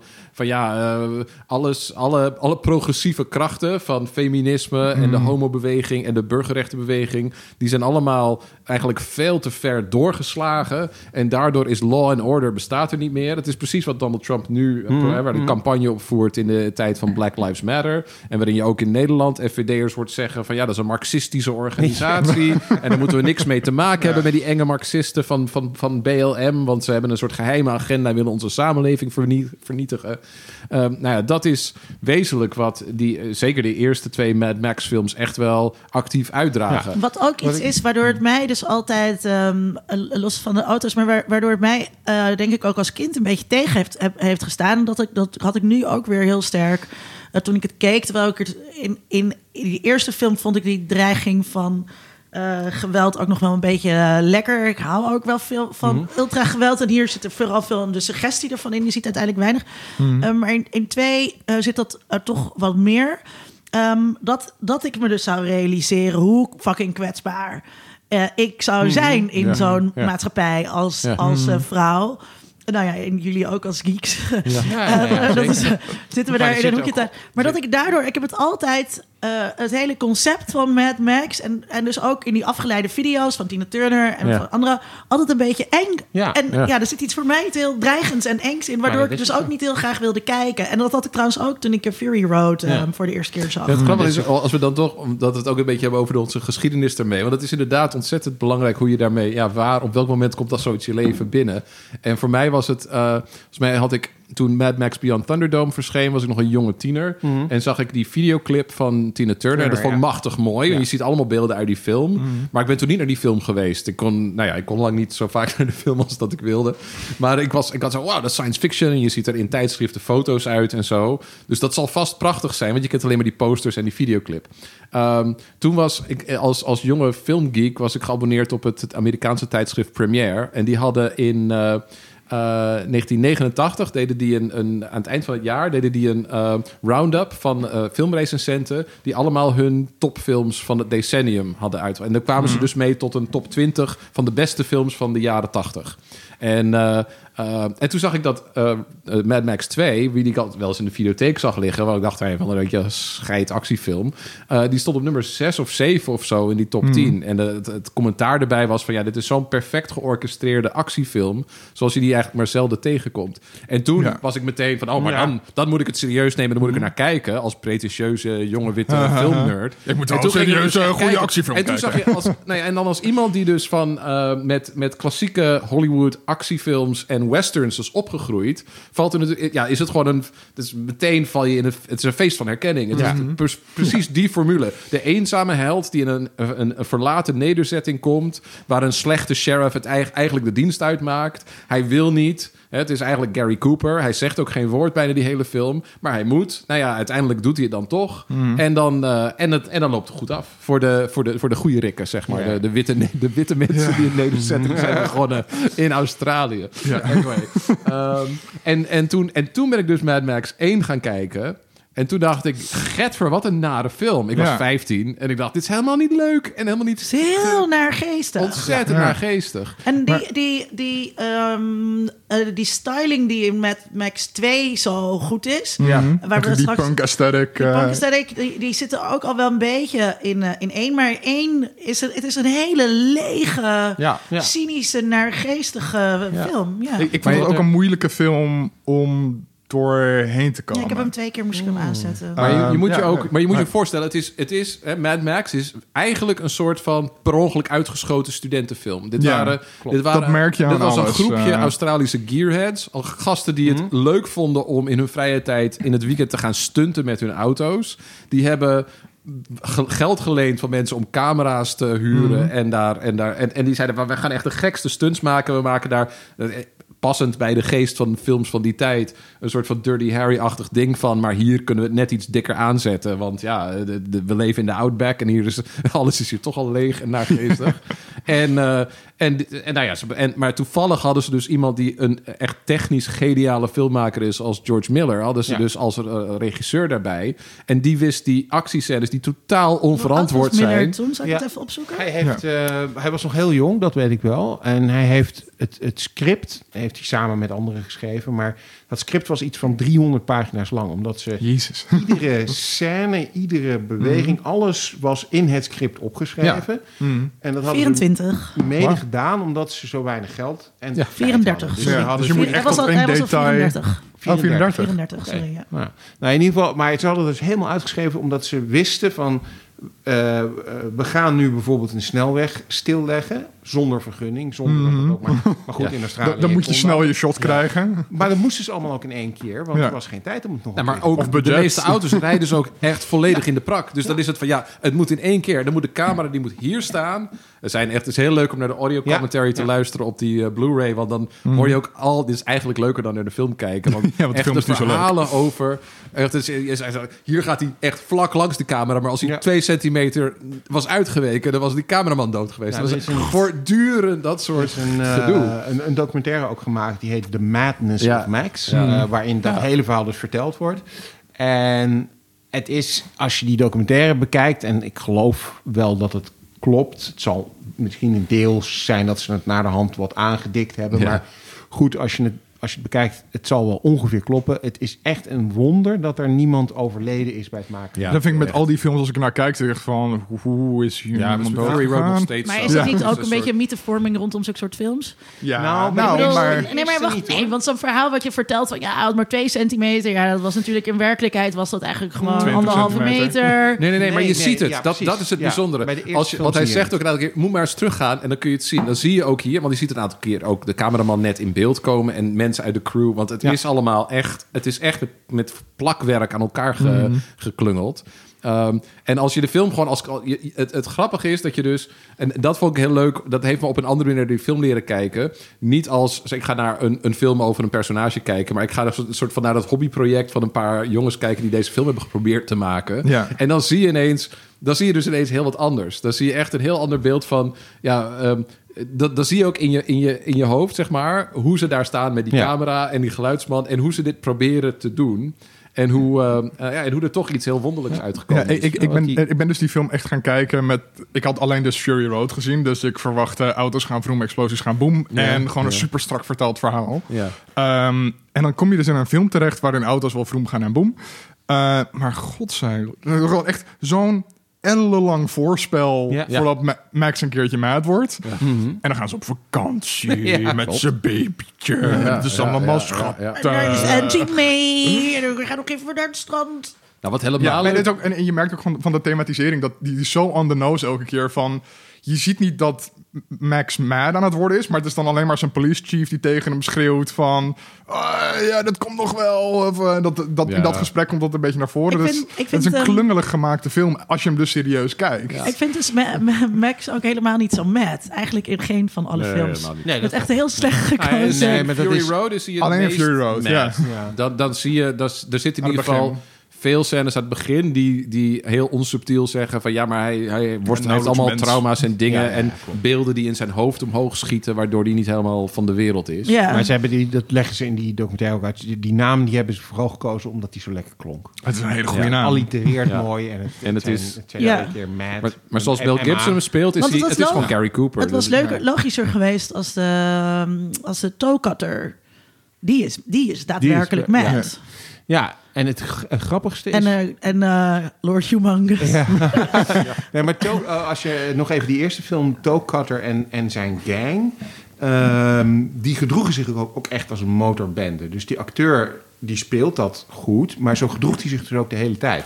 Dus Dat lijkt me heel vervelend. Nou ja, Mel Gibson die zegt dus ook in, in een van die documentaires... dat hij gewoon echt op een gegeven moment een beetje bang werd Oh. van deze mensen. Want wat ze dus deden was in zijn hotelkamer met echt serieus dus met bloed op de muur dingen schrijven... over van eh, jullie gaan dood en we gaan jullie afmaken. en, zij, en, en omdat er geen geld was, moesten ze dus ook van locatie naar locatie... Als motorbende. Dus ze- Oh, zij reden zelf nee. met die motoren van locatie naar locatie. Ze gedroegen zich echt als een motorbende. Nou, ja, maar, maar het is ook... ehm, zeg maar dat, eh, dat hele... eh, ze hebben een soort speelsheid of een bewegelijkheid... Ja. Die, ook, die ook al in het eerste deel zit... en die natuurlijk in Fury Road helemaal geperfectioneerd is... eh, van al die gastjes. Ehm, maar in, in één is het dan dus... Oké, iemand komt aanlopen... En die doet dan even een koprol. dat ziet er zo knullig uit. En dat heeft helemaal niet die, die, ge- ge- ge- die Nee, choreografie of geliktheid Ja. die je daar zou verwachten. Maar wel dat ze, oké, de instructie is dus dat jullie gek. je Deze zo een energie beetje en zo, gek. Zo gedragen. Oh, dan doe ik even een koprol. Ja. Maar wat is... eh, ik, weet, ik heb even gemist of we dat in het... eh, oh ja, kijk, het staat er al. Wat, wat, wat staat er in het Nou, Mad? Max versus de gay homosexuals. Oh ja, ja. Als, we het net- over net- Mad Max net 2 gaan hebben? Of nou, je maar ook, in één ook ook al nog? in één. Als je Ja. kijkt naar eh, Fifi heet hij volgens mij. Dat is op zich al de naam. Ja. De police chief. Ehm, ah, dat is zeg maar het meest stereotype beeld van een, een, een leernicht uit de jaren 70 wat je kunt bedenken. Een dikke Kaal snor. grote snor en een leren pakje aan. Ja. Eh, Dat wat- viel mij ook op, ja. Ja, dat viel mij dus Oh, ook op. dacht, hey? Michel Foucault. En, ja, precies, inderdaad. En, te- en, en wat, wat dus ergens heel raar is. Michel Foucault had geen snor trouwens. Nee, die had geen snor. Maar, Maar het was wel een leren jas en een kaal hoofd. Ja. Ja, maar het is, dus, het, is, het, is, het is ergens heel raar. En in deel 2 wordt dat nog explicieter met, met twee, zeker met die twee karakters. Dus jij Ja, die op de motor, zeggen. ja. Ehm, het zijn hele heteroseksuele films op de een of andere manier. Nou, Maar of dus ook dus, weer juist niet. Ah. Ook weer niet dus, Ook weer juist niet. Wat vinden we daarvan? Nou, ik, ja, Ik heb Mad Mad vs. The Gay Homosexuals Ja. komt uit een letterbox review van Dan die ik Ja. heb gelezen van Oh, eh, Mad is Max dat 2. zo? Ja. Maar het, nou ja, dat is een van die dingen waar je dus... Nou ja, daar waar we het vorige keer over Back to the Future hebben... waarin je gewoon als, als, als witte... eh, nou ja, toen nog zeker overtuigd heteroseksuele jongen... ehm, dat je gewoon vanzelf jezelf projecteert in die dingen. Want in de films die zijn er ook voor bedoeld van... alsjeblieft, dit is voor jullie, dit is voor jou. Leef lekker mee. En, ehm, en dat je dus al die manieren waarop andere identiteiten in die film zitten gecodeerd... als verwerpelijk of als, als afwijkend of zo... dat je dat gewoon meeneemt zonder dat je daarover valt of zo. Het was pas toen Eh, ik ontwikkelde een hele, hele close relatie met een eh, vriend, een goede, een goede vriendschap met een jongen die homo was. En toen als tiener, toen was, ik was 15. En ik ging met hem altijd films kijken. En toen kreeg ik ineens een heel ander perspectief erop. Die zei, ja, Hè? daar komen ze Ze weer. zijn helemaal niet psychopathisch, Nee, die zegt, homo's. oh ja, en de homo's die zijn weer, niet, die zijn weer, eh, hè, die, moeten, die hebben het weer gedaan. Ik zei, homo's? Oh ja, oh fuck, ja, Ja. shit. En dan ga je ineens, en dan zie je dat, dat oh wacht, in, eh, in die gemeenschap, die ideale gemeenschap die het koste wat kost beschermd moet worden, daar zie je een soort van hele traditionele heteroseksualiteit en Ja. patriarchaat dat daar op Ja. georganiseerd is. Hele kwetsbare vrouwen en kwetsbare kinderen. vrouwen. Er is één stoere vrouw, maar ook die is niet de leider van de Mhm. groep en moet, heeft ook een sterke man nodig om haar uiteindelijk te beschermen. Dus er, er zitten allerlei. En degene die het op hen voorzien hebben, dat zijn dus niet zomaar mensen die geen structuur hebben, maar dat zijn precies mensen die niet die al allerlei afwijkende vormen van ja. hè, gedrag vertonen. En in, eh, in één. ehm, eh, ze laten daar dus niet de, de, de verkrachting eh, zien, maar je ziet wel die gast. ja, eh, die dus met zijn vriendinnetje in de auto zat, die rent Ja. door het veld. En je kan duidelijk zien dat zijn anus toegetakeld ja, ja, is. ja. Ehm, dus er, en, bij dat, en, dat, en die vrouw is ook verkracht. Dus ze zijn niet zomaar gay, maar het zijn allemaal sexual deviant. En wat dus opvalt, er zijn een paar eh sletjes erbij op het strand op een gegeven moment. Daar zou ik me dan dus maar bij uit, aansluiten uit maar voor de rest zijn het allemaal... ehm, die, die bendeleden zijn alleen maar mannen. En dat Ja. zit ook Ja. in eh, twee en in drie. En in, In drie, niet. in drie niet. Drie is, drie is, wat dat betreft, Ja, vind ik dat van Tina twee naar drie is er echt een grote ommezwaai. Nou ja, je hebt natuurlijk, je hebt natuurlijk eh, Tina Turner en de, en de leider, die, die, die, die, dat meisje dat bij de Lost Boys eh, Ja. Ehm, maar ehm, de, de, de, de minions of de handlangers of de, de bendeleden, zeg maar, dat zijn wel steeds allemaal mannen. Waarbij je je wel afvraagt, waar zijn dan alle, waar zijn alle vrouwtjes gebleven? Nou ja, het- nou, maar da- daar vind ik dus het... het hè, de, ehm, dan komen we bij, bij Mad Max Beyond Thunderdome. Wat een, een beetje het... Het is altijd de mislukte film van de vier, hè, tot nu toe. Als, als je dat objectief zou bekijken, dan zeg je van ja... eh, Want dat is de film... Een hele bizarre film. Een hele bizarre film met oh, een nog vreemdere productiegeschiedenis. Hè. Je had, Mad Max was een, was een, eh, een midnight movie. Het was Ja. iets voor. eh, Mad Max draaide dus in Grindhouse theaters. Dus dat zijn goedkope theaters die alleen maar double en triple features draaien in, in, in grote steden. En in drive-ins. Dus Ja. dat is waar, Mad, waar mensen Mad Max zagen. The Road Warrior was een soort B film die door, wel door een studio werd gedistribueerd. Dus die kwam in de echte bioscopen terecht. Gewoon en een, was, een popcornfilm. en was een, behoorlijk, was een redelijke Ja. hit voor, voor, voor wat hij was. Ehm, zo, groot genoeg, ook omdat Mel Gibson inmiddels ook Amerika films, eh, rollen in Amerikaanse films begon te spelen. Dat zeiden nou, hem gaan, we gaan van Mad Max Beyond Thunderdome. Dat wordt nu echt een grote productie. En dat is een Hollywood film waar ze per se George Miller en Mel Gibson voor wilden hebben. Plus nog een ster. En dat werd dan dus Tina Turner.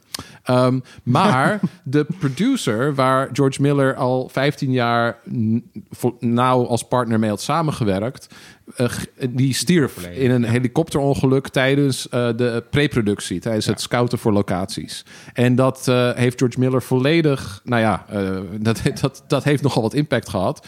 Zodanig dat hij eigenlijk zei: ik, wil die, ik kan nu niet een film maken.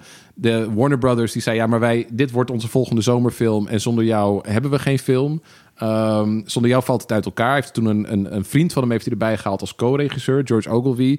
En hebben ze met, nou ja, met enige moeite en, en voor het eerst in samenwerking met een Hollywood studio en alle studio executives die er ook allemaal wat van vinden en zeggen ja, maar het moet wel met kinderen en ja, maar het moet wel zo eindigen en ja, maar het moet ook een PG, een PG ra- rating hebben, want het mag niet met al dat geweld van die eerdere films. Nou ja, dan krijg je Ja. dus uiteindelijk soort van dit, dit gekke ding, een soort twee films in elkaar gepusht Ja. eh, ja, maar het wordt, het wordt op een gegeven moment halverwege een hele andere... Het wordt een heel ander film. De muziek die verandert. Er zijn, zijn twee verschillende componisten geweest die de soundtrack En, en, hebben en voor de gemaakt. tweede helft deed me echt denken bijna aan een soort van Indiana Jones Spielberg-achtige Ja, film. Met, ja. met van dit soort typische klassieke Hollywood melodietjes en zo erin. Ewoks, ik verwachtte elk Ja, moment ja, Ewoks. precies. Ja, dus het heeft dit, het heeft, het heeft, en, en eh, ja, ik, het is mijn favoriet van de hele, de Mhm. hele serie tot nu toe. Ja, omdat het zo'n ongepolijst gek ding is. Dus het is, het is een film die eigenlijk niet echt helemaal gelukt is, maar waar zoveel ehm, interessante ideeën en gekke sprongen in gemaakt worden.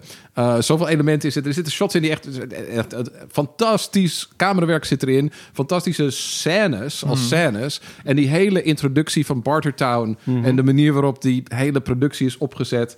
Ehm, eh, een, eh, eh, vol met al die, al die, al die, al die figuranten Ja. en, en, en, en dieren. En in dat, dat leven in dat modder. Geeft je echt een gevoel van dit is een plek wat die bestaat in de wereld Ja. of zo. Hè? Het is veel groter dan de meeste films uit die periode. En voelt veel echter en directer en diverser. Want daar zie je dus in Bartertown zie je allerlei soorten mensen met allerlei soorten achtergronden en lichamen en van alles. En dat heeft een soort, nou ja, er zit heel veel utopische energie in die film. En dan vind ik, en ook al is die actiescène aan het eind is een soort van rerun uit eh, eh, The Road Warrior. Zit hij eigenlijk net iets geraffineerder in elkaar en heeft, heeft niet diezelfde scherpe randjes, omdat er niet echt geweld in zit. En omdat het met kinderen is, denk En je tijd van ja, je weet dat die kinderen niks gaat overkomen, dus het komt vast wel goed. Dus je, het is, voelt minder spannend.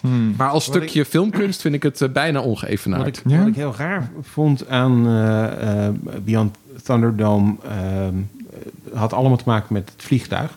Eh, het- eerste wat ik raar vind is... de piloot hebben we in de vorige film al gezien. Ja, Maar is in deze film opeens iemand... iemand anders. Iemand anders. Ja. Ja. Helemaal iemand anders. Ja. Dus dat, dat, dat, dat vond ik raar. En ik snap niet hoe dat vliegtuig kan vliegen met zoveel kinderen aan boord. Ja, je moet, ook- je moet, ik ben degene de dokter in de nee, natuurkunde. Nee, nee, nee, maar ik Dat, vond, ik vond was daar op de dat logica punt- dat Ik ik, vond- op ik- een ik gegeven Ik was moment op daar gewoon niet al heel lang eh, eh,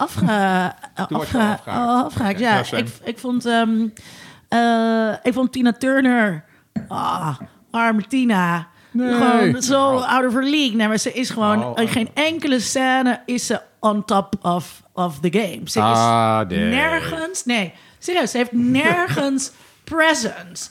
En ze, ze schreeuwt en dan weet je al, dus net als als je les moet geven, je staat te schreeuwen, dan heb je het verloren. Weet je, ze, is, ze, is, ze, domi- ze domineert niet.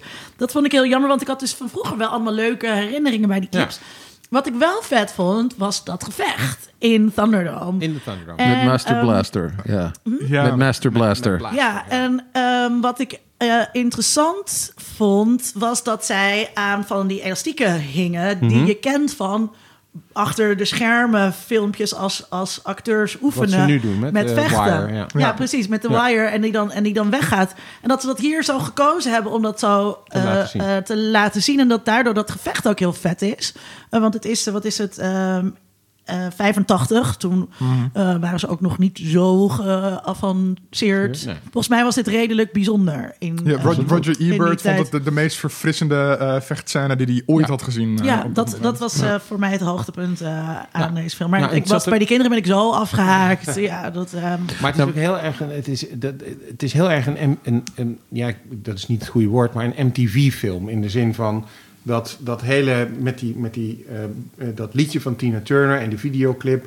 Het, hoort, het past voor mij helemaal in, in wat, Ja. wat ik, het gevoel zeg maar, wat ik heb van de jaren 80. bij Nou, wat MTV. Tom ook zei, Ja, maar dat Indiana, ik- Indiana, Indiana Jones. het, eh, dus inderdaad, eh, ehm, eh, veel, veel- wat jij ook zei, veel figuranten. Nee, maar dat was echt alleen in de tweede helft. In die eerste helft was het nog wel echt herkenbaar. Dat ik echt zat van, oké, hier zit heel erg het DNA van de vorige film in. Maar vanaf halverwege slaat het gewoon echt totaal om.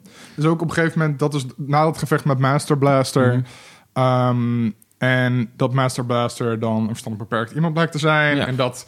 eh, dat kleine mannetje dan zit van... Oh nee, maar oh, waarom val je hem aan? En dan, dan ineens is dat kleine mannetje heel sympathiek. Terwijl die daarvoor... Ja, dat was ook heel raar. Heel erg, dus weer als in vorige films en in Fury Road, dat atypische lichamen heel erg worden ingezet om een soort van object ding neer te zetten. Eh daar dat zijn nog echt wel dingen mee in Fury Road ook. Zeker. Ehm, Daar zit ook een klein persoon in Ja. die op dezelfde manier wordt neergezet. Ja, maar dat er dan echt een 180 gedaan wordt in toon, in hoe dat karakter in beeld gezet wordt. Daarna krijgt hij ook ineens een driedelig pakje aan met een bolhoedje op of zo. Terwijl hij daarvoor soort weer zo'n leren fetishpakje aan had.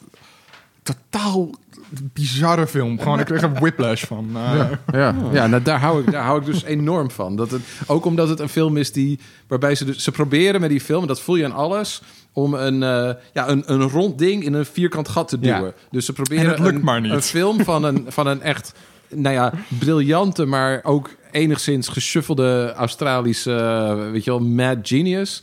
Proberen ze een, een... Het is net zoiets als eh, een andere favoriet van mij, Dune van David Lynch. Ja. Waarbij je probeert om een grote Star Wars-achtige kaskraker te maken. Want dat was 100% de inzet. We moeten, dit is een van de grote science fiction romans. En daar gaan we, een, daar gaan we niet één film van maken, maar we gaan hier echt vijf films maken. En dit wordt de eerste. En David Lynch is een up-and-coming regisseur. En die gaat zijn visie hierop projecteren. En dat wordt waanzinnig. En het is ook waanzinnig. En dat is fantastisch. Maar het is niet wat Star Wars minnende fanboys willen. eh, of waarderen. Of wat we als, als we op onze soort van filmcriticus... Ja, maar de eerste helft is heel anders dan de tweede helft. En het is het allemaal drie gekke Ja, maar het moet toch wel kijkbaar zijn? Ja, maar, Ik ja, maar dat, dat maakt het voor mij kijkbaar. Dat bedoel, juist precies dat. Niet het feit van... En daarom kan ik... Ja, voor, voor mij zijn die dingen van... Ja, ik snap niet hoe ze in het helikopter kunnen. Het is een film. Ze kunnen gewoon in een helikopter. Ja, maar dat- dat- ik snap ja, ook niet hoe Harry Potter op vliegt... op zijn ding Quidditch kan spelen. Nee, dat kan gewoon in die film. Dat kan. Ja, dat kan maar het, het- ik had een beetje... het- het- De reden waarom, waarom, waarom het mij opviel... Ik vind het namelijk ook een gaaf film. Ik Ja. kijk er met plezier naar. Maar dit heeft een beetje eh, een, een clowncar idee. Hè? Dus, eh, Ja, ja, ja, nee, nee, clowns nee, dat klopt. Nee, maar ik Heel vind veel dus, clowns dus dat, dat idee, maar eh, nou ja, ik, ik sla daar dus. Ik, vroeger, Ja. eh, ik, ik, ik, ik eh, sympathiseer heel erg, want vroeger was ik hetzelfde dan van nee, maar dit, dit klopt gewoon niet, dus dan is het niet goed. Nee. Ehm, en nu Nee, maar het ben gaat ik me niet, veel niet eens om meer. dat niet klopt, maar ik, ik vind... Ja, nee, ik kan Nou, het maar, gewoon en, niet maar misschien heeft dat ook te maken met hoe je dus over de loop van de jaren Mm. een relatie opbouwt met een film. Waarbij je dus, hè, dit is dus een film, het, dat, ja, dat zijn er uiteindelijk niet vreselijk veel, die je op, eh, ik denk dat ik, nou ja, zoiets als Thunder, eh, hoe heet het? Nee, eh, Beyond, of Mad Max, Beyond, Beyond Thunderdome, Thunderdome, zo heet hij, hè? Ja. Ehm, dat je die op, nou ja, tussen mijn zestiende en ik ben nu ergens midden 40, dus dat ik die in, nou ja, in de loop van, wat is het, 30 jaar Mhm. dus, eh, op allerlei verschillende momenten opnieuw Ja, ben dan- tegengekomen. in andere, op. en dan, en dan, en, en de ene keer dan zet je hem aan en denk je van, ja, maar ik kijk nu, ik ben nu eenmaal die drie Mad Max films aan het kijken en daar hoort deze ook bij. Dus net als dat ik Return of the Jedi ook heus wel eens af en toe opzet, ook als een kutfilm, Hmm. denk ik, doe ik dat ook wel eens voor deze, zeg maar de mislukte derde film. En dan zet je hem op en denk je, godsamme, dit is toch echt waar, waar de Road Warrior een soort van super gelikte, weet je wel, uh, hardcore, weet je wel, goddamn fucking gay homosexuals, we, we Ja. gaan voor de Gary Cooper stereotype, Ja. maar wel een gelikte actiefilm. Is dit een soort van, wa- wa- wat? Waar, in welke film ben ik nu beland? Is dit nu een soort kinderfilm geworden opeens? Aha. Maar toch met al die gekke voertuigen Ja, actie? Ik vind hem eigenlijk queer. Ja, ik vind het een soort queer een film die, die zich weigert te houden. Net Weigert als showgirls. Het is net, daarom Ja. hou ik ook zo van showgirls, omdat het klopt. Er valt geen eh, kloppend verhaal omheen te maken. Nee. Je kan niet van die film zeggen van... ja, want hij is 100% be- hij is eigenlijk bezig om de normen van de Hollywoodfilm te deconstrueren. Nee, hij is echt aan het proberen om zo'n Hollywoodfilm te zijn. Maar dat lukt niet helemaal. Ik las wel net nog even een stuk eh, van eh, iemand die over 1 en 2 aan het zeggen was dat het de ultieme postmoderne deconstructie van de held en het narratief. Toen dacht ik ook, oh, ik haat onze, beroep zo. Ik haat onze beroep zo ontzettend. Misschien moeten Sydney, we het- Sydney waar, waar, waar, waar- ik heb nu opgeschreven, Dan vindt Thunderdome de beste. Eh, eh, dat mag, dat mag. maar wat, eh, hoe, sta jij in eh, Beyond Thunderdome? Eh, ik heb een bepaalde... Ja, dat, dat lijkt erg op wat Dan zegt. Ik, ik heb er een band mee, omdat, ik, omdat dat de eerste Mad Max film was die ik zag. Eh, ik denk dat ik hem inderdaad eerst op MTV als videoclip heb gezien van Tina Turner. En daarna wilde ik die film zien. En dus vond ik het heel cool. En vond ik Top- ik waarschijnlijk... denk op Top Op of Countdown of, zo. Ja. ja. En, en, Voor en, MTV en, nog en, wel. en ik vermoed zelfs, maar dat kan ik me niet meer zo echt herinneren, dat ik juist het gedeelte met die kinderen super gaaf vond. Want ik was natuurlijk zelf ook nog jong. En dan, ja, dat, Dan is het ineens voor jou, Je, ja. Dan heb je, oh hey, deze film gaat ook over mij. Ja. Dus ik heb een zekere nostalgische eh, liefde voor. En, eh, eh, Maar ook als je nu Thunderdome. terugkijkt nog? ja, toen ik hem terugkeek, had, viel het me wel steeds meer op van Mm. Eh, wat mij als kind of jongere eh, eigenlijk helemaal niet opviel. Dat dit eigenlijk gewoon twee films zijn die een soort van tegen elkaar aangeduwd zijn. Maar dat zie je als kind ook helemaal niet. Nee. Je, veel, ja. Nee. Bovendien Maar- zat er ook duizend reclame tussen. Ja, ja, ja. Als je thuis kijkt. En, ik vond- en maar mag ik nog één? ehm, ehm, eh, en, de gay, en de gay homosexuals uit, uit twee? Uit twee. Ja, dat was mij in het verleden wel opgevallen. Maar eh, nu ik hem weer opnieuw keek, viel het me pas echt op. Want dat is inderdaad dat je denkt van... hoe is dit in godsnaam in die film beland? Hoe is dit niet eruit geknipt? Hoe is hier niet iemand over gevallen? Hoe is het überhaupt mogelijk dat, dat, dat, dat studiobazen niet gezegd hebben van ja, maar dit een man die eh, in een, eh, eh, wat was het, met zijn blote kont in een jockstrap eh, rondloopt, dat, dat, of chaps Ik zat ook echt. Dat- Heeft hij, nou kan geen, niet. heeft hij nou geen leer op zijn billen? Ja, nee, dat- dat- hij heeft dus chaps aan. En, en, en dan heeft hij voor... In het begin van de film heeft hij gewoon een soort eh, jongetje als seksslaaf. Die die de hele tijd met zich mee... Ja, en dan, dan, op het moment dat die doodgaat door Max, dat hij dan ook echt zo van, nou fuck ik Max Ja. helemaal op. Maar het is toch helemaal niet raar in 1981, toen homofobie welig tierde, tierde dat... ehm, Ja, als je het, als je het bekijkt, inderdaad, wat je, zoals jij het ook zei, van eh, eh, dit zijn de, eh, de anderen, de mensen die afwijken, de mensen die slecht zijn en dus zijn ze ook homoseksueel. Nee, dan is het in die context niet raar. Maar ik, ik, ik kijk er nu naar met het idee van het is toch een representatie van homoseksuele mensen. eh, eh, die, die, die in die film zit. En of het nou per se gaat over de slechterik of niet. Het is een beho- behoorlijk belangrijk personage in die film.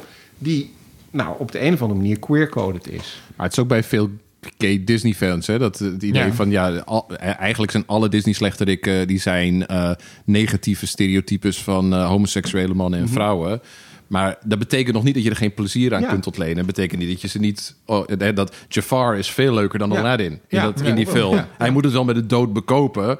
Weet je wel, maar, maar het, is, het is wel een leuke personage. Ja, dus ik, ik kijk er, en dat verbaasde me eigenlijk ook toen ik het aan het kijken was. Ik kijk er dus niet naar als iets heel erg vreselijk homofoobs waar je, eh, waar je heel erg boos over moet worden. Ik vind het juist eigenlijk wel een beetje cool. begrijp je Dat nu, ze erin zitten. Begrijp je nu waarom ik dat sletje op het strand ben? Bij... Ja, zeker. Ja, ja, ja.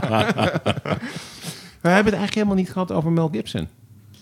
Nou, laten we dat zo houden. Ja, nee, laat- laat- dat- dat- Weet, je, wat- weet je wat leuk is? Weet je wat, nog, nog een heel klein eh, leuk eh, eh, soort stukje trivia. Ja, oké, Want daarna gaan we door eh, Fury Want Mad. Max, werd de, Amerikaanse Ik distributeur, die maakte zich zeggen, zorgen over Mad Max. Die film met, waar niemand die iemand kende inspeelde. En die door, weet je wel, 15 jongens en hun hamer is, en bijtel en auto's in de Australische woestijn was gemaakt.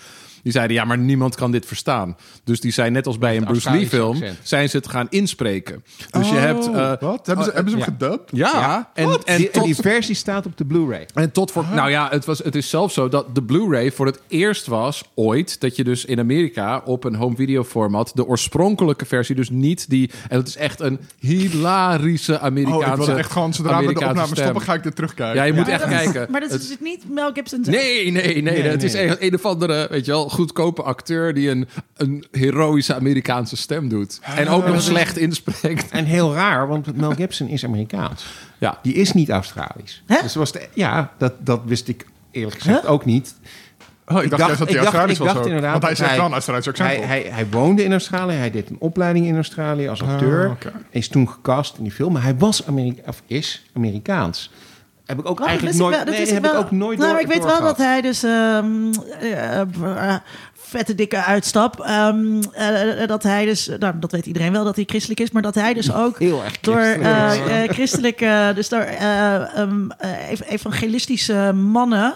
Eh, als je hen vraagt van wat is nou hè, het rolmodel, wat voor soort man wil je zijn, dan kan, zijn ze allemaal met Mel Gibson. Oh. Wat ook weer heel Ja, interessant maar dat is ook de Patriot en Braveheart en al dat soort dingen natuurlijk. als de, Ja. Passion of de the Christ. ultieme, als de ultieme man. Maar dan moet ik dus ook nu, kan ik dan ook, nu moet ik ook denken aan met Max en, en zijn homoerotische vriendschap met zijn matties. Met zijn matties. Maar, maar wat me ook opviel, toen ik, zeker toen ik de eerste ehm eh, Mad Max weer herkeek... is dat Mel Gibson, ongeacht wat je inmiddels allemaal over hem weet... en ehm, nou ja, dat het gewoon echt Te geen, veel. geen, ik weet te veel. geen toffe vent is. Nee. Ontzettend knappe man. Ja. Ja, Jezus. Oh, echt helemaal niet. Ja, Oh nee, Nee, ik zou hem zo. Och, Ja. ja. Nee, maar echt alleen in die eerste film Ja. zat ik wel echt van... Wow, Die ogen, Ze die zo- blauwe ja. ogen. Oh, Nee, en er is ook, ik heb laatst ook weer eens Braveheart Ja. gekeken. Over homofobe, hardcore christelijke bullshit propaganda gesproken. Maar eh, ook daar. Er zit, er, er zit dat gigantisch hilarische moment in waarin hij als man van... Hij zou twintig moeten zijn of zo, van zijn paard springt. En dan is hij ineens van jongetje naar de, de 45-jarige Mel Gibson. maar die film die loopt als een trein. Dat is echt Braveheart is, waanzinnig. is, is, is Je bijna zit- de perfecte Je zit hem de hele tijd zit je, zit je een beetje te oh, nou, die- film die doet allemaal Ja. foute dingen en stom en slecht, maar het is heerlijk. Oké, genoeg hierover. Fury Road. Fury Road. Waarom is dit de perfecte actiefilm? Ah, nou, maar Uit en, simpele- en, en, en, en, maar dat, maar staat Dus er ik haak helemaal af bij jullie. Is het een feministische film? Dat Nee, maar dat, Nou, dat komt hierna. zo, komt daar hierna. kunnen we zoiets. Nou, de- En hoe de eh, twee? Ik wil wel iets zeggen over de, waarom, als het gaat gewoon puur om techniek en vorm. Dat zijn de stomme onderwerpen, dat weet ik ook wel. Dat Ja, maar ik wil het er toch wel even over hebben. Mannelijke Want dat doet het wel filmnerd echt heel onderwerpen. Nou, de, de, ehm, de, de montage is zoals elke briljante actiefilm gedaan door een vrouw. Dat, dat, ja, dat is wel, en, en die kreeg Oh, zijn sowieso heel erg goed in monteren. Ze zijn zeer goed in Dat editen en omdat monteren. technologie niet zomaar mannelijk is. Daar fiets ik er nu vast even in. Yes, yes, yes. Maar die, ehm, eh, die, kreeg, die, hè, die ging samen met George Miller naar de footage kijken. Hij zei, er is één... Hè, ik wil, de, het is een actiefilm en het is een film voor 2015. Dus het moet, en, en dat zijn films waarbij de shotlengte heel kort is geworden. Dus een actiefilm van tegenwoordig heeft shotlengte... die veel korter is dan een film van 20 of 30 jaar geleden. En dat moet deze film ook zijn, want anders werkt dat niet voor ons. Maar hij zei, daarvoor moeten we... We hebben zoveel materiaal en de enige manier waarop mensen dit kunnen gaan begrijpen... Uh, want anders wordt het een Christopher Nolan bullshit drag. Is als we ervoor zorgen dat we alleen maar shots gebruiken. waarin de belangrijke visuele informatie in het midden van het beeld Het is. En er zijn ook weer fantastische video-essays online die je Ja. kan opzoeken. waarin je dus ook ziet. Er wordt gewoon zo'n, zo'n, zo'n hoe noem je dat? Zo'n Vierkantje. in het midden gezet. En dan zie je van, ja, gaat die shot, dan kunnen de shots ontzettend hard achter elkaar doorlopen. Maar het is zo'n widescreen film. En als je voortdurend ervoor zorgt dat datgene wat belangrijk is, dat dat dus frontaal in het midden van het beeld center, is, dan kun je voortdurend heb, heb je ontzettend, kun je ontzettend goed zien wat er gebeurt. Voordat en de raak je film- nooit de draad kwijt. Voordat de film uitkwam, werden we al doodgegooid met ontzettend veel making-ofs. Mhm. En eh, was al overal te zien hoe ze die stunts hadden gedaan met dat springen van En dat het auto naar allemaal praktisch auto. was, En, dat het, en dus er, was, daar zat een ontzettende promo-campagne achter Ja. om iedereen al te hypen voordat je in de bioscoop, eigenlijk ook een beetje met Tenet misschien ook wel. Ja.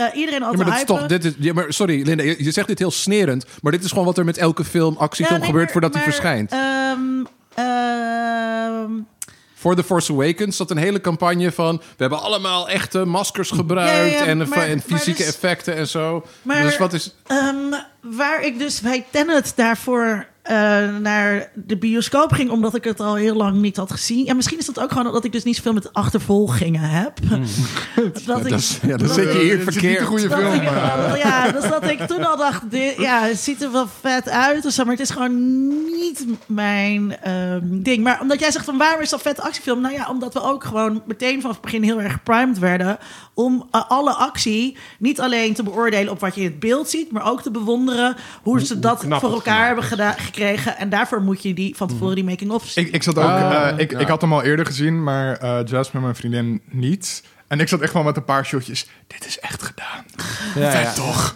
Ehm, Ja. Net als, oh, wat is Ja. met die stomme kut? Ah ja, die fucking kut. Oh, die stomme 1917 film. Waarbij iedereen Ja. zei, oh, het lijkt alsof Eén het één shot. gefilmd is, maar dat is ja, het niet. ja, Maar dat lijkt Toen dacht ik, ook, ja, daar hoef ik dus niet heen. Want ik heb geen zin om daar te gaan zitten. Nou ja, dat. Blijft dat een goede film vinden. Maar goed. Nee, ik, ja, ik, sorry, ik heb het omgekeerd hoor. Want ik, ik heb gisteravond heb ik hem nog een keer gekeken. In nu de nog, ik, ik doe steeds omste beurt de 1917 kleurenversie en de de, de, Oh, nee, 1917. Ik ga niet, daar ga niet stilzitten. Schijt toch uit.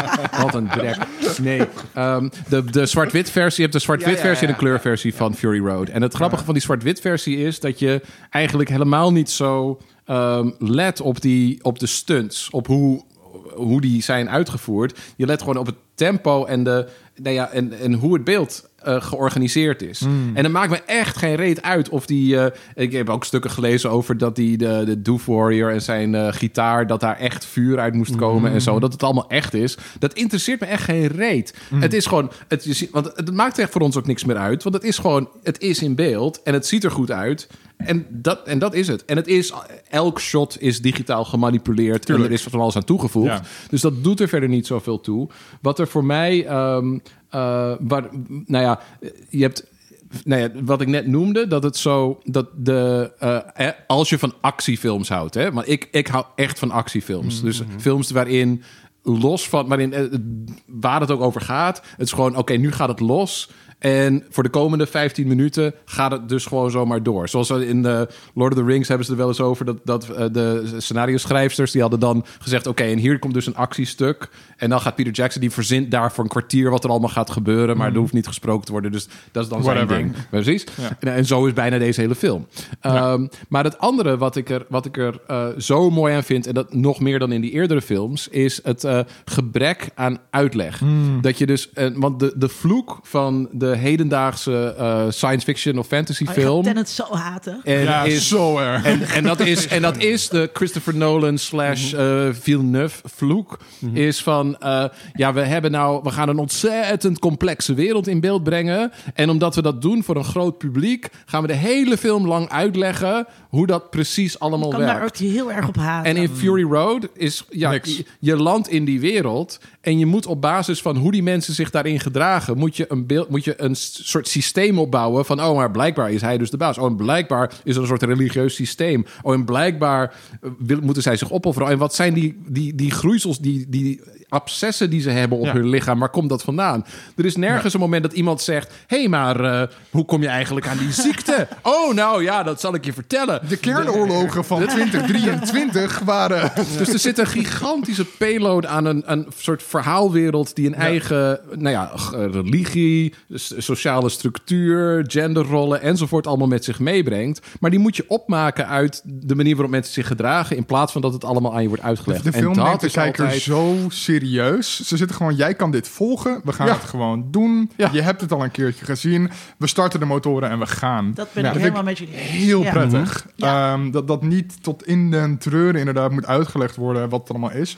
Je snapt precies wat voor personen het zijn, waarom ze doen wat ze doen. Je hoeft niet te zitten van... Dat, je hebt geen scènes waarin ze met elkaar gaan zitten. De reden dat ik doe wat ik doe, is omdat ik een tragisch verhaal heb. En daarom reageer ik zo en zo op dingen. En dit is mijn karakter. En dit is wat ik wil. En dit is wat ik eigenlijk moet hebben. Eh, nee, fuck dat allemaal. Je ziet het wel uit hoe ze handelen. Ja. Ehm, heerlijk. Ik, echt, heerlijk. Zeker. briljant Het is gedaan. hetgene wat ik als, als kind... Het, het kan ik dat kan ik me... Dat is een van de weinige dingen die ik specifiek kan herinneren... van, de, van, van, van Star Wars toen ik dat de eerste, eer- eerste keer zag. Dat je in een wereld terechtkomt... waar dingen gewoon zijn zoals ze zijn... Mm. zonder dat Ja. ze uitgelegd worden. Ja. Ja. Ik had nog sterk, want de eerste die ik zag was die Empire Strikes Back. Ja, dus nou, ik, nog er was ook een soort Ja. van...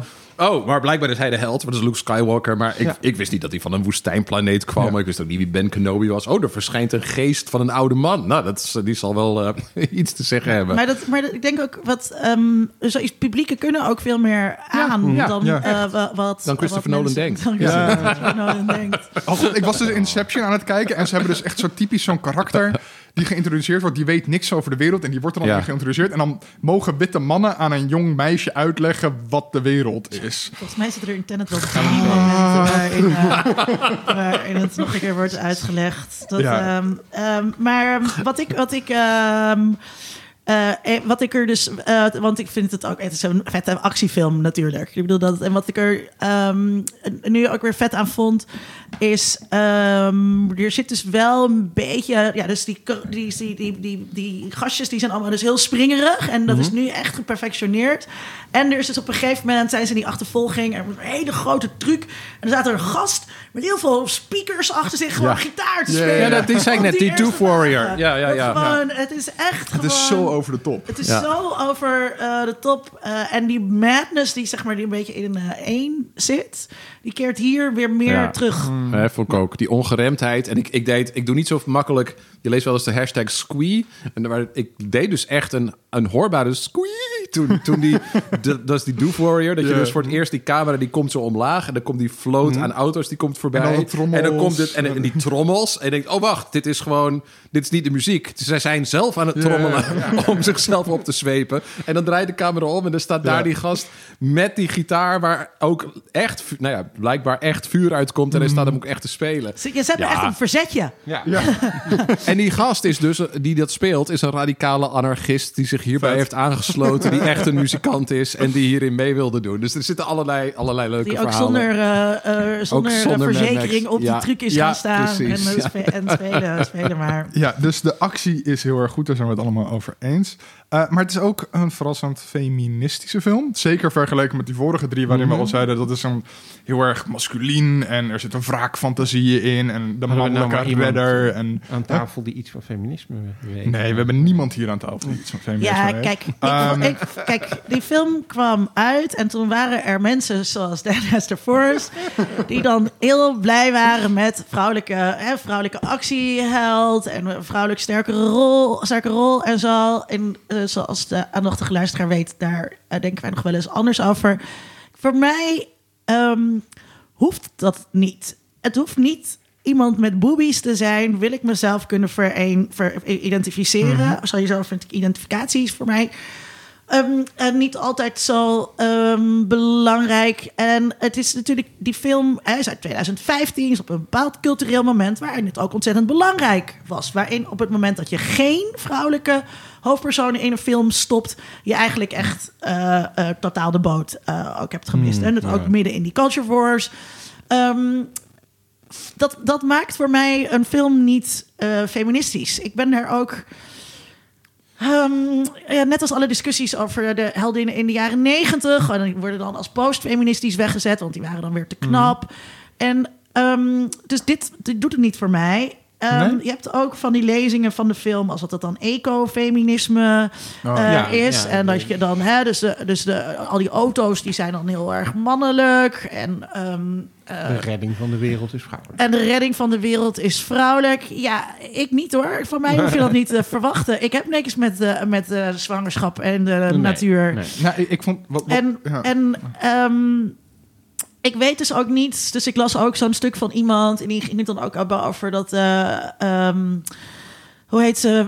Fu- Fu- Furiosa. Furiosa? Furiosa, dat ze dan eh, niet seksueel is. Of eigenlijk niet. Dan denk ik, het is fucking Charlize Theron, Ja. weet je wel?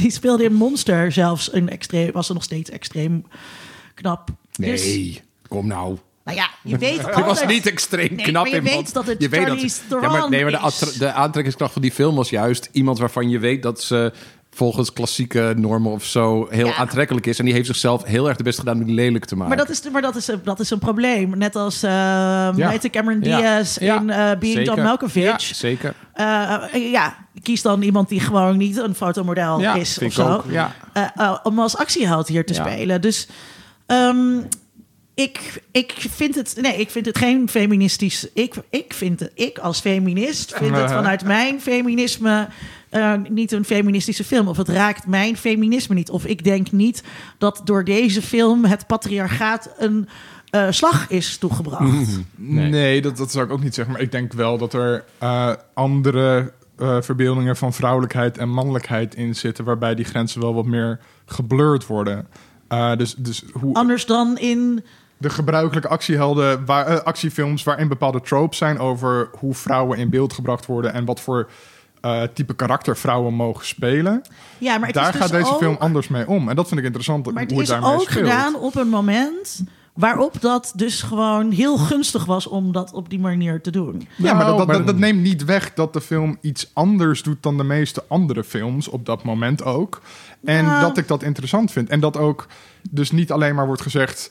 Eh vrouw kan ook mannelijke dingen doen door geweld op zich te nemen en auto's te rijden. Maar dat ook al die wives allemaal zonder geweld te gebruiken ook nog een bijdrage leveren. Maar, dus dingen. dat, maar Dus- dus dus- bij dat soort dingen denk ik altijd, ja, dat, daar roepen we nu heel hard hoera op, zeg maar, in deze tijd. Maar eh, kijk naar Linda Hamilton in de Terminator-films. Mhm. Weet je, het is. Ehm, nou, Ja, maar zij, zij, sorry hoor, maar zij is zij een is in moeder Terminator geen, geen actieheldin. nee, en zij in Terminator is, 2 in, is ze in, dat- In Judgment Day, zeg maar, is ze helemaal Ja. getraind. En, Dat is één film. Ja, dit is ook één film. In- Nee, in maar je zegt, kijk naar Linda Hamilton in de Terminator films. Oké, nou, in de Terminator... In, de- in, In, in die ene in- film. in en zo is Day. ook... Is, En is, dus, dus, maar weet je, het ligt er maar net aan waarmee je het vergelijkt. En ik ben dus niet degene die die applausmachine gaat zijn... op een moment dat het eh, eh, commercieel vooral heel gunstig is... om het publiek hier een, een vrouwelijke actieheld te geven. Ik vind het in die zin ehm, eh, niet het vernieuwende hebben... Ehm, eh, Maar- het was ook 2015, hè? Maar in 2015 waren er nog... Ja, sorry, maar er waren gewoon... Er waren alleen nog maar Marvel-films geweest... met mannelijke helden in de hoofdrol. Eh, Star Wars komt uit hetzelfde jaar... en was toen werd er heel veel fans uitgespuugd... omdat Rey, een vrouw, de hoofdpersoon bleek te zijn. Ik ben het met je eens dat het onderdeel is van een golf. Hè? En dat je nu veel meer... en ik denk dat eh, de Hunger Games was net voor op, op Fury Road... en liet zien dat een semi-onafhankelijke grote Hollywoodfilm met een vrouwelijke actieheld in de hoofdrol wel een heel echt gigantisch veel geld kon verdienen. Maar Fury Road behoort meer tot de voorhoede dan tot de Ja. zeg maar ik, ik het is nu eenmaal de trend. Want in 2015 was het nog Nee, niet de trend. is, maar dan nog is het er, het is er niet omdat. Ik, ik vind het te zeer een politiek-economische keuze dan een politieke keuze. Nou ja, ja, En het is dat er niet- Maar dat Maar snap het ik kan het- allebei Het is zijn. voor mij toch? dus het, een, niet- het een sluit het ander Nou, het niet is voor mij dus geen fundamenteel, eh, fundamentele verandering. Of een. Of een Oké, de- wat The Last Jedi doet, is niet alleen vrouwen in sterke rollen eh, laten zien, maar ook een bepaalde manier van vrouwelijkheid verbeelden, wat ik heel tof vond in maar dat is, als je naar. Ryan Johnson's audiocommentary luistert, dan zegt hij, ja, ik zag, ik, luister zag niet. Ik heb, Furiosa. alleen maar, ik heb alleen maar dit gekeken. Maar dit komt, dit, komt twee jaar, En- dit komt twee jaar na Fury Road. Ja, en die zegt maar van... hier, en ik heb hier dus dat niet. En, en- ik bedoel, hartstikke leuk hoor, als dat dan de inspiratie is geweest voor hem om daar wel een betere film van te maken. Maar ik kijk niet dit en dat ik dan denk, wauw, zo. Nou, ik mijn, weet seksen, mijn seksen wordt hierdoor echt, eh, echt even vooruitgeschoten. Dit is revolutionaire populaire cultuur als het om genderrepresentatie gaat. Nou, ik, zou, ik, zie het niet. Ik zou ook niet zeggen dat... Maar, dingen, dingen mogen toch ook... Nee, nee, nee, maar, maar, dingen, dingen kunnen toch ook evolutionair zijn in plaats van revolutionair? Nee, maar dat is het dus niet. Want dan moet je dus gaan kijken naar... Ehm, dan is eerder de vraag, en dat vind ik altijd een interessante vraag: hoe komt het mhm. dat we in de jaren 90 wel veel vrouwelijke actiehelden hadden, dat vervolgens weer is ingezakt, en we dus nu in de jaren 10 uh, uh, zo'n moment hebben dat we dat we allemaal gaan zitten vieren? Dat vind ik een veel mhm. interessantere vraag dan te kijken hoe die evolutie is gegaan van Pipi Langkous. Maar naar, eh, verhoudingsgewijs hadden we in de jaren negentig niet veel vrouwelijke actiehelden. Ja, jawel, er waren een paar films. Je had de Charlie's Angels en de populaire cultuur stond bol van de vrouwelijke actiehelden. Nee, dus, maar het is gewoon, het is gewoon als je de, ik heb een keer die cijfers onder elkaar mhm. gezet om dat te vergelijken, omdat ik er een college over moest geven. En dan zie je, er zijn inderdaad een paar waar heel veel mensen over schrijven. Maar als je kijkt naar de actiefilms van de jaren negentig en je gaat alle Nicolas Cage's en John Travolta's en John Cusacks en zo en die ga je zetten naast vrouwelijke actiehelden, dat is echt een verhouding van 9 op 1. Dat Maar is dan echt, nog maar is er is ergens nooit zo'n moment geweest in de populaire cultuur waarin het er zoveel waren. En vervolgens zijn het er weer minder geworden. Ja, en het zijn er nu ook, Toch? het zijn er nu Ehm, ook niet extreem Na de veel jaren negentig zijn er toch minder geworden. nou, het zijn er En even. daarom staan we nu weer zo te springen als er een Wonder Woman is. Of als er een Furiosa is. Nee, want in de jaren 2000... Je hebt toen ook een paar experimenten gehad... zoals Elektra en eh, Catwoman... met vrouwelijke superhelden. Dat waren, nou ja, niet eh, goed gelukte films voor de meeste mensen. Ik hou heel erg van Catwoman Ja. zelf... maar eh, de meeste mensen niet. En dat snap ik ook wel. Ehm, maar er is, er is voortdurend mee geëxperimenteerd en geprobeerd. Alleen de wind en de manier waarop vrouwen en, minderhe- en etnische minderheden zich via social media zijn gaan uitspreken op het gebrek aan zichtbaarheid, die is in de jaren 2010 veel groter geworden. En dat is een effect geweest wat je vanaf nou ja, midden jaren 2010 ineens veel sterker gaat terugzien. Dat die, die, die blowback van niet alleen van. Want al die vrouwenrollen in de jaren 90, die waren allemaal door mannen geregisseerd en allemaal door mannen gemaakt. Tank Girl is een van de weinige uitzonderingen. Superfilm. Ehm, en, dat, ja, en, dat is, ehm, en dat is wat je hier dus ook anders ziet. En een van die dingen die rondom eh, Mad Max Fury Road gonste, was ook dat op het moment dat hij Fury ermee. Road is toch nog steeds door een een man gemaakt? Dat is precies wat ik wil gaan zeggen. Dat oh, die man, eh, een man maakt die film en een man schrijft die film, maar die haalde dan vrouwen aan boord om op de set te adviseren. Dat was de schrijfster van de Vagina Monologues, die op, voortdurend aanwezig was. Nee, nou ja, niet aardig, maar dat laat zien dat er een. een Step aside, dat maak er- ruimte. dat Geef er een- je podium op. ja, maar, ja, maar dat er een. Dat, ik, ik, en ik heb, ik heb geen antwoord gegeven op die vraag. Maar ik vind het ook. Ik ben het grotendeels met Linda eens dat het helemaal niet een. Ik zou het niet als een revolutionaire Nee. film. Of, een, of zelfs per se een feministische. Of ik weet niet wat een feministische film moet zijn, eerlijk gezegd. Een Ik- feministische film moet in ieder geval het patriarchaat een deuk toebrengen. nou, ik vind, ik vind dat binnen het verhaal doet deze film dat. En Ja. gaat het over. Het, ga- het gaat, over een soort van. Ja, En en, en, maar ik weet nog in 2015 dat de eerste dag ging ik die film zien. En je hebt één scène, halverwege die film, dat, eh, dat ze midden in de nacht zijn ze in de woestijn. En die, eh, die, die, die, eh, die kogeldudes die komen eraan Ja, met hun ja, ja. auto's. En Max die pakt dat grote geweer en die begint te richten. en je ziet hem twijfelen, niks. want ze hebben maar een paar kogels. En hij kijkt om zich heen. En zonder woorden geeft hij het aan Furiosa. En bukt hij en zegt hij, gebruik mijn schouder maar. Want jij kan het beter. En op dat moment, en ik, op dat moment dacht ik, holy shit, dat heb ik nog niet gezien. Zo'n zo'n moment waarin een man en een vrouw naast elkaar staan. En dat ze hebben al een paar keer nu met elkaar gevochten en gesteggeld. En de- ook in films, ook in Charlie's Angels. Ik hou heel erg van de Charlie's Angels films. Maar ook daar moet voortdurend... Moet, moeten die vrouwen, die staan hun mannetje wel. Maar er is altijd een man die het toch net... het even kan overnemen en net iets beter kan. En omdat op die manier niet alleen maar een soort van... Nou ja, ik zeg niet dat het dan meteen een soort van feministisch pamflet of manifest is geworden. Maar dat er erkenning wordt gegeven voor het idee van... wij zijn gelijke partners hierin. Ja. En er zijn dingen die jij beter kan. Dat, zie je, dat zag je Ja, op en- dat en- moment en- niet zo en- vaak. ja. En zie je nog steeds niet vaak En, ik denk ook wat, wat, wat ik er dan ook interessant aan vind, is dat het daarmee ook heel erg gaat, in plaats van de eenzame held die de dag komt redden, dat het een eenzame man is die wederzijdse afhankelijkheid begint te erkennen. Ja. En eh, op die manier zich anders probeert te verhouden tot mensen om hem heen. Ja. Maar dat is toch in twee ook wel zo? Ja, een beetje. Nou ja, ja, maar, maar- ik, vind, maar- ik vind het hier explicieter. Ja. En dat ook eh, andere mensen erbij komen. Je hebt Nux die erbij komt, die dan ook weer mee mag en zo. En, Nou, en, die, en Nax die ook wat door, door zijn contacten met deze dames... Het- het is eh, een veel minder, ja. minder agressief Ja. eh, wordt en zo. Hè? Hij wordt toch verliefd op een van die Hij van wordt zelfs girls? verliefd op een van die girls, wat eigenlijk helemaal niet past in het soort wat hij dan is. Hè? Want hij is zo'n warboy en die hebben helemaal geen seksualiteit. Ehm, en, en over het patriarchaat, dat, dat is wel denk ik waar. Ik denk dat volgens mij is het verhaal eigenlijk het gevecht tegen het patriarchaat. Dat is eigenlijk het verhaal wat, wat verteld wordt.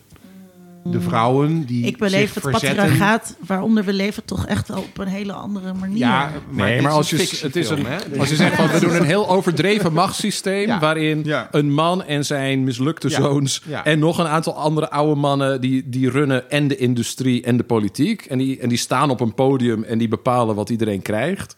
En om dan, en dat vind ik dus, ik, daar vind ik, nou ja, als we dan niet zozeer hebben over feminisme, maar gewoon de politiek van die film, waarbij ehm, in die eerdere films ging het er altijd om van hoe kun je ontsnappen aan deze vreselijke wereld. En waar is een plek waar je dan, nou ja, een rustige middenklasse, weet je wel, een plek kan, Ja. Een, strand kan vinden, noorden. een strand kan Ja. vinden waar je, waar, waar je nog veilig en rustig bent. Daar is hier begint het dus ook met hè, dat, dat idee. We gaan naar de green place. Hè, die, de plek waar dingen nog bloeien en waar men- vrouwen nog vruchtbaar zijn en weet ik veel Ja, wat allemaal. Uh, en daar gaan wij onze utopische uh, nieuwe staat beginnen.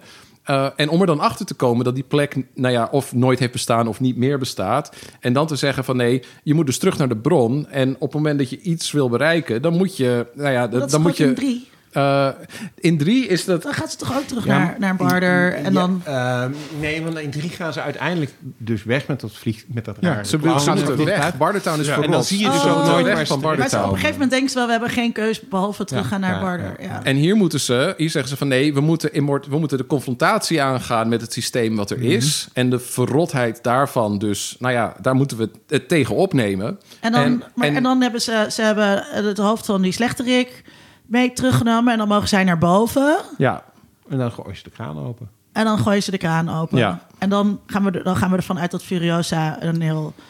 nou ja, daar ben ik is- dus, daar ben ik dus, daar vind, daar vind ik dus dat als je het, als je het bekijkt vanuit, nou ja, de fijnste is dat feministische dan- theorie en dat is de meest radicale, dan is het, het de grote fout die van een aantal verschillende genderfouten die Mad Max uiteindelijk maakt, of de, die Fury Road maakt, waaronder dat hij haar met zijn bloed moet redden. Er zit een heel mooie symmetrie in, maar het is uiteindelijk in gendertheorie is dat toch niet heel lekker eh, een metafoor. Ik, ik, ik las Maar- dat juist als, als een, soort, een man die een zorgtaak op zich nam.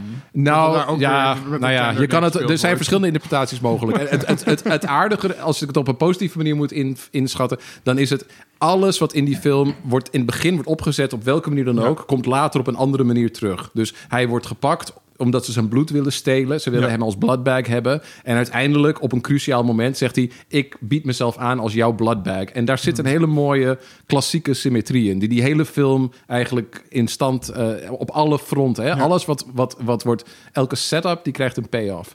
Maar waar, de- waar die film faalt... Als, het een, als, het, als je het wil dat het een feministische film is... waarvan ik dus nog steeds niet denk dat het dat echt is... dan is het niet, ik ga terug en ik neem dus nu die macht over van die man die daar Was.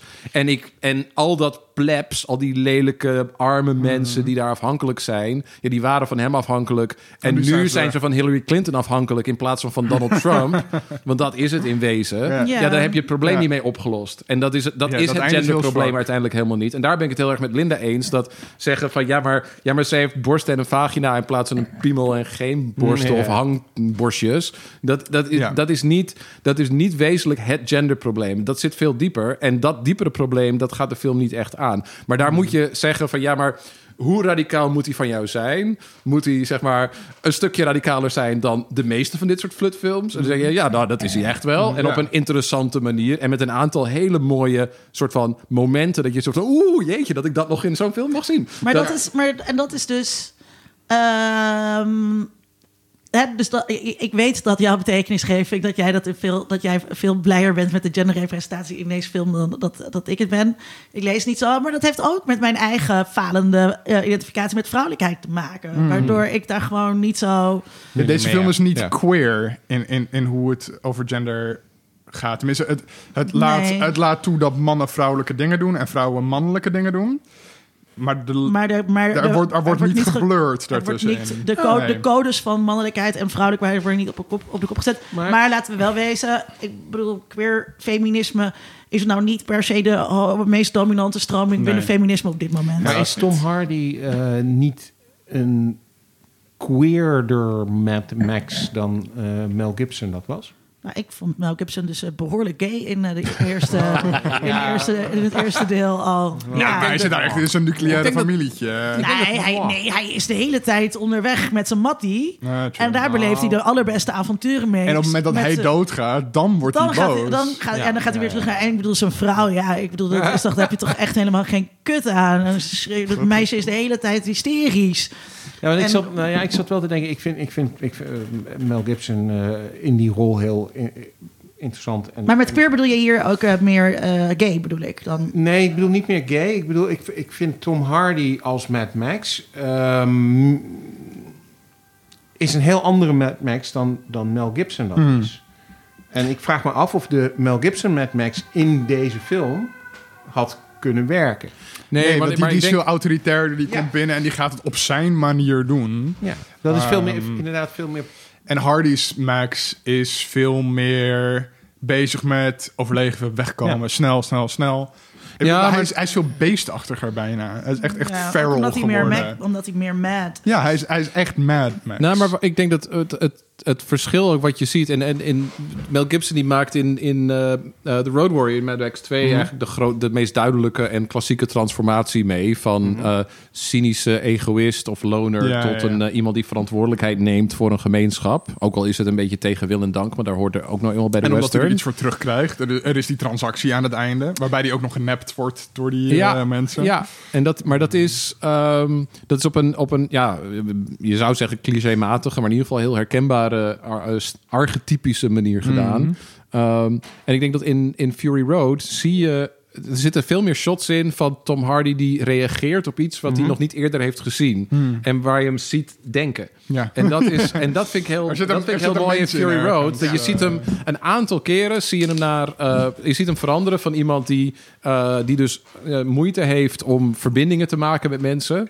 En je ziet heel veel close-ups van hem die, laat, die, zien, eh, die laten zien dat hij naar iemand kijkt en naar hoe, hoe iemand zich gedraagt. En omdat hij niet kijkt naar. eh, Dit is een soort eh, utopische heteronormatieve gemeenschap die eh, een recht op voortbestaan heeft. Maar omdat hij kijkt naar een strijd of voor het leven van een paar jonge vrouwen. eh, door iemand die daar zelf eigenlijk geen belang bij heeft. Save begint the hij prego, daar. save the prego. Begint hij. Nee, maar het is niet alleen maar. Hoe ging het is niet alleen maar. Het, is, het gaat niet echt want die, die, gaat, die gaat er natuurlijk aan. Dus daar gaat het, het belang van de film is dat niet. En het, ik, vind dat, dat, ik vind dat ergens heel sympathiek. En ik vind ook het feit, en dat is gewoon weer een ander los dingetje, maar dat ehm, oudere vrouwen die je nooit in een film überhaupt ziet, als ze niet iemands oma of tante zijn, maar dat die hierin een soort van, nou ja, toch coole en redelijk volwaardige actieheldinnen worden Ja. in die eindstrijd. Vond ik ook wel iets waar- waarvan je, ja, Ja. Dat, dat zie je gewoon niet. Dat, dat, dat- ja, wanneer kom je een, een mevrouw van boven de 50 tegen die ook nog in de blote kont daar rondrent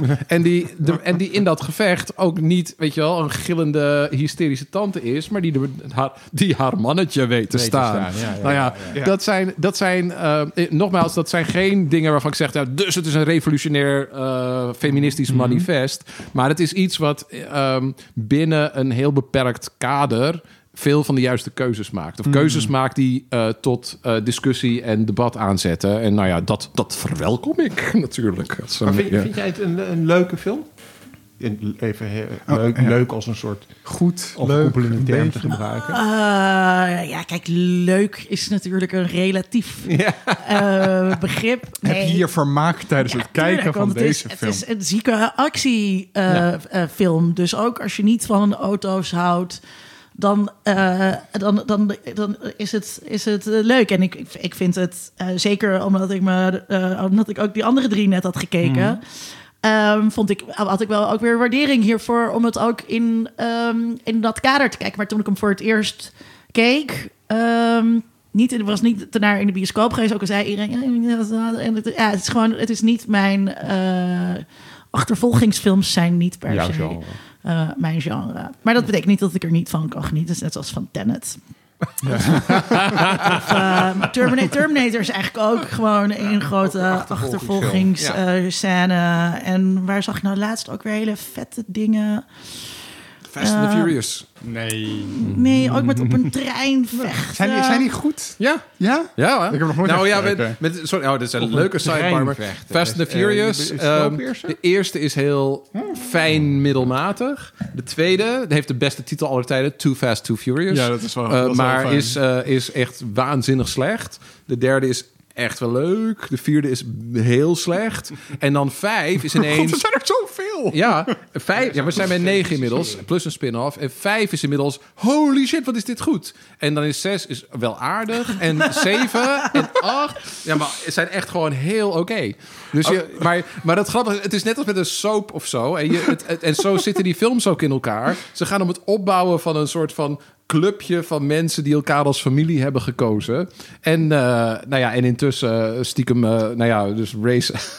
Nou, het, wordt, het wordt steeds minder over het straatracen en steeds Ja. meer over andere absurditeiten. Maar ik, de investering in die films is dubbel en dwars de moeite waard. Ook al betekent het dus dat je door allemaal van die shitty jaren negentig bullshit actiefilms heen moet waden aan het begin. Sorry hoor, dat gaat even. Oké, eh, Nu we het toch al Mad Max hebben. het is eh, nooit slecht om, eh, om Pulp eh, te kijken. Pulp is fijn. Of Pulp Ik is bedoel, fijn. De eerste drie Mad Max films zijn hartstikke pulp. Um, anyway, voordat we eh, naar de terugblik gaan... we zijn nu al echt op twee uur, dus daar moeten we wel zo heen. Dan, jij wilde het nog over witheid en ras. Oh, ja, jezus. Dat, nee, want dat Max vind ik dus veel... Ik, dat, er- ergens vind ik dat dus veel interessanter dan... eh, hoe feministisch is Mad Max Fury Road? Ehm, 16. Eh, dit, ja, precies. Het heeft een score van 16. En we did the math and it checks out. Echt. eh, ehm, nee, ehm, ik vind het dus. Ik vind het dus bijzonder en Uh-huh. echt wel gek en interessant dat eh, de, de- deze films die zijn een soort van, nou ja, eh, post-westerns. Ja. Kunnen we best zeggen. hè. Het, het gaat over een, een, een- de nieuwe wereld en het, het eh, koloniseren daarvan of een plekje daarin. En dat, dat zijn allemaal geïsoleerde plekjes die je daarin hebt. En mensen en er bestaat geen wet en zo. Nou, dat is, dat is de mythe van de western. En de western is het genre van genocide. Het is het genre van witte mensen Je die hebt het de een, vorige aflevering ook al over gehad. ja, hè? sorry, het is een, een van mijn stukpaardjes, Oh. weet je wel. Ehm, Genocide hier, naast dat ik- genocide daar. naast dat ik- een beetje het- fasci- het- het is, is- het, is het misschien fascistisch? Het is net als kolonia- alsof koloniale staten overal waar ze kwamen genocides gepleegd hebben. Het is bijna alsof Amerika gewoon op een gigantische Indian graveyard is gebouwd. Wie, zou het, wie zou het zeggen? Maar ehm, dat je dus in Australië, wat nog zo'n continent is waar Engelse witte mensen neerstreken en zeiden: wij gaan hier van alles opbouwen. Ja, het is dat je daar. alsof daar al eerder heel veel mensen waren die wisten wat bezit van grond was. Kijk, daar moeten we het eens over hebben. Ja, maar, maar- maar dat je binnen zo'n film zoals Mad Max Beyond Thunderdome ook een soort Aboriginal-achtige clan neerzet die daar leeft met, met veren en, en, en, en tunics en dat soort zeg maar de pure wild savage. Maar dat dat zijn allemaal witte wit zijn, tieners. En dat er zo weinig, hè, je kan dat zeggen in in brownface zelfs bijna lijkt ja, daar lijkt het bijna op. Maar de, de witheid van Mad Max Ja. binnen een eh, Australische filmcultuur die nou ja, in, een, in een land leeft met een echt. Maar de, de echt, ik, ik heb een keer nou ja, een boek over gelezen. Die, de Australische geschiedenis Ja. van ja, echt imperiale genocide op de Aboriginals die daar leefden, is wanstaltig. Maar nog, hè? En Dat nog- is, ja, eh, ja, toch- ik, en- ik, ik was eh, twee jaar geleden in Australië. Nou, Mad Max is... is, is, is eh, daar zijn ze heel trots op. Als je naar het ja. Australische Ja. Filmmuseum gaat... dan heeft Mad Max een hele centrale plaats. En die Interceptor, die staat daar ook. Die kun je bekijken en zo. Ehm, maar wat je nog steeds daar ziet... eh, en wat dus inderdaad heel erg op... Dat, dat viel mij ook op nu bij het herkijken van de films... eh, is de, is de, de mani- manier waarop zij nog steeds niet om weten te gaan met de oorspronkelijke Ja. bewoners. Die hebben zo'n ongelooflijk achtergestelde positie. Je ziet ze eigenlijk alleen maar rondzwerven. eh, Ja. de- de- de- Het, er is, er is historisch er geen plek niks. voor. Er is fysiek En- geen en plek het voor. Ja. Contrast, En het contra- daar, daarom viel het me op. Ik was eh, daarvoor in Nieuw-Zeeland eh, geweest. Het contrast met de manier waarop Nieuw-Zeeland probeert om te gaan met de Maori. Ja, dat is echt centraal geworden aan, aan zelfs de witte En- cultuur daar, precies, toch? En, die, en, en ook als onderdeel van Ja. de Nieuw-Zeelandse cultuur heel veel Maori woorden probeert te gebruiken en te probeert terug te grijpen naar de oorspronkelijke bewoners. En dat doen ze nog steeds niet goed genoeg, absoluut. Maar als je dat contrasteert met Australië, waarbij die mensen eigenlijk volledig uitgewist Ja. zijn en nog steeds alleen maar bestaan als een soort overlastgevende mensen Ja. die in een parkje zitten. Ja. En dan in een film die, die inderdaad opgenomen is in Australië, een filmreeks die opgenomen is in Australië, die zich afspeelt eigenlijk in de gebieden waar deze mensen ook daadwerkelijk de, de- hun, hun, hun oorspronkelijke land hebben. En er zit geen enkele Aboriginal in die Ja, film. dat, dat, en die, nou ja, die, die echo daarvan, ja. die vind ik dus heel... Dus dat, is- dat, dat is wat me het meeste stoort als ik die films kijk. Dat ik denk, ja, maar dit is... ehm, dit, ze zijn echt weggegumd. Ja. Ehm, en, en, eh, het, en het is... En, en, en met name omdat Dus het zwa- dus... Zwarte Amerikanen krijgen een grotere plek in de wereld van Mad Max Ja, dan Dat- Aboriginal Dat eh, zijn dan Australiërs. vijf, vijf fotomodellen die een soort van etnische diversiteit, hele zeg maar fotogenieke etnische, he- ze zijn heel wit en ook de donkere actrices fotomodellen zijn zeg maar heel lichtbruin. Ehm, dus die witheid is echt, die doet bijna pijn in je ogen. En het, ehm, het idee dat je dan dus, en omdat je dan, als je dan gaat denken vanuit dit is een soort een western. En in de western waren de indianen, waren de barbaren... en de witte mensen die, die moesten een plek vinden... om het te- daar tegenop te nemen en te, te, eh, te civilizen, hoe noem je dat? Te, Civiliseren. te civiliseren. Om, de- om, Beschaving die- te dat- brengen. Om die- het landschap, om daar beschaving te brengen. En hier heb, heb je niet eens... Ze zijn niet eens slecht. Ze bestaan gewoon niet. Dus de, de, ook, de, ook de barbaren, daar moeten ze nu witte mensen voor bedenken die dan de barbaren mogen zijn. Dus dan zeggen ze, nou, we'll get the gay homosexuals to be the barbarians.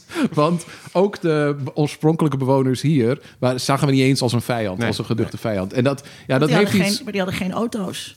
Die hadden geen auto's. Die Geen hadden, gas om af te dus- pakken. dus het is dat, dat ja, dat heeft iets, dat heeft iets tragisch. En dat, ja, ik vind dat eh, als je die films dus ziet in, in, in zo'n soort context, dan, dan worden die pogingen om wel diversiteit te hebben en een soort van wokeness uit te dragen, die voelen wel een soort pijnlijk op die manier. Weet je? Dat je zegt van ja, maar kon je niet één Aboriginal acteur in heel Australië, weet je wel, die daar eentje. niet één die, die daarin überhaupt, weet je wel, een, een, een coole chauffeur kon zijn of zo. Dat, Ja. dat, dat lukte dus niet eens. Ja, dat vind ik dan, eh, dat, ja, dat, dat is. Ik Ik, deed eh, Priscilla Queen of the Desert dan toch beter. Ja.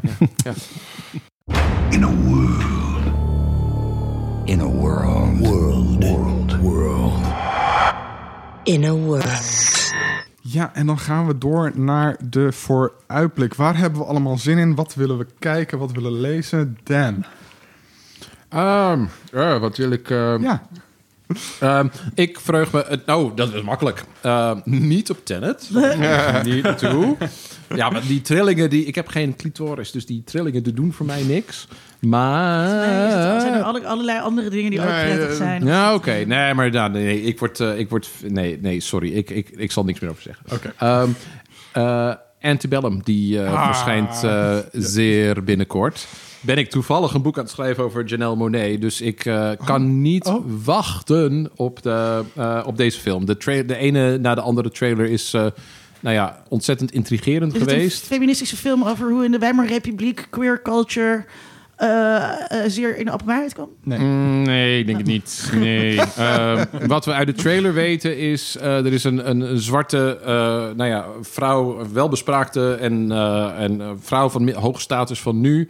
die op de een of andere manier terug wordt geflitst... naar eh, eh, de, het slavernijverleden in een zu- zuidelijke staat van Amerika. En, en wellicht heen en weer vliegt. Dat weten we niet. Ik Ja, nee, heel dat- erg... dat is- het, het idee was volgens mij dat, dat ze een soort van... Haar bewustzijn flikkert heen en weer tussen Er is, het, er is, het, het heden en het, het voor burger, de voor, Amerika voor de burger. Dat is een Outlander. er is, een- nou ja, er is een... Er is een Ja, maar ze, Nou, ze schiet dus heen en weer. De Er is, een, er is een boek van, eh, van Octavia Butler, een science fiction boek, waarin een zwarte vrouw dus eh, eh, per ongeluk steeds eh, naar eh, nou ja, de, eh, de, het slavernijverleden terugflitst. Ehm, en daar wordt mishandeld door een jonge witte man. Maar eh, daar ook erachter komt dat hij een van haar voorvaderen is. Dus Dit hij, is best wel Outlander. Dit is eh, dat lijkt, het lijkt, ja, ja, ja. Outlander, is, daar, Outlander is daar ook echt door geïnspireerd. Alleen dit is dan, dat, ja, dat, eh, alleen in, nou ja, met Amerika en, en ras en zo. Ehm, En waar we het vorige keer ook over hadden, hè, over dat je, het is leuk dat je als witte man kan kiezen, oh, naar welke tijd Ja, ik in welk- ja, precies. En, En dat je- en dan het voor- en voor zwarte vrouwen voor zwarte vrouwen al helemaal oh, helemaal niet. Ja. Nou ja, en dus dat... Take my chances, blijf wel hier. Nee, de, de, eerste, de eerste reviews die zijn eh, gepost, die zijn eh, ontzettend euforisch. Die zijn van, nou, dit is echt waanzinnig. Het is een van die films die, waar, die eigenlijk al veel eerder, aan het begin van deze zomer zou verschijnen, die een aantal keer is uitgesteld. En eh, waarvan ze uiteindelijk hebben besloten, nou, we gaan hem alleen maar premium on demand. Dus eh, voor 20 dollar of zo kun je hem vanaf 18 september gaan, eh, online gaan bekijken.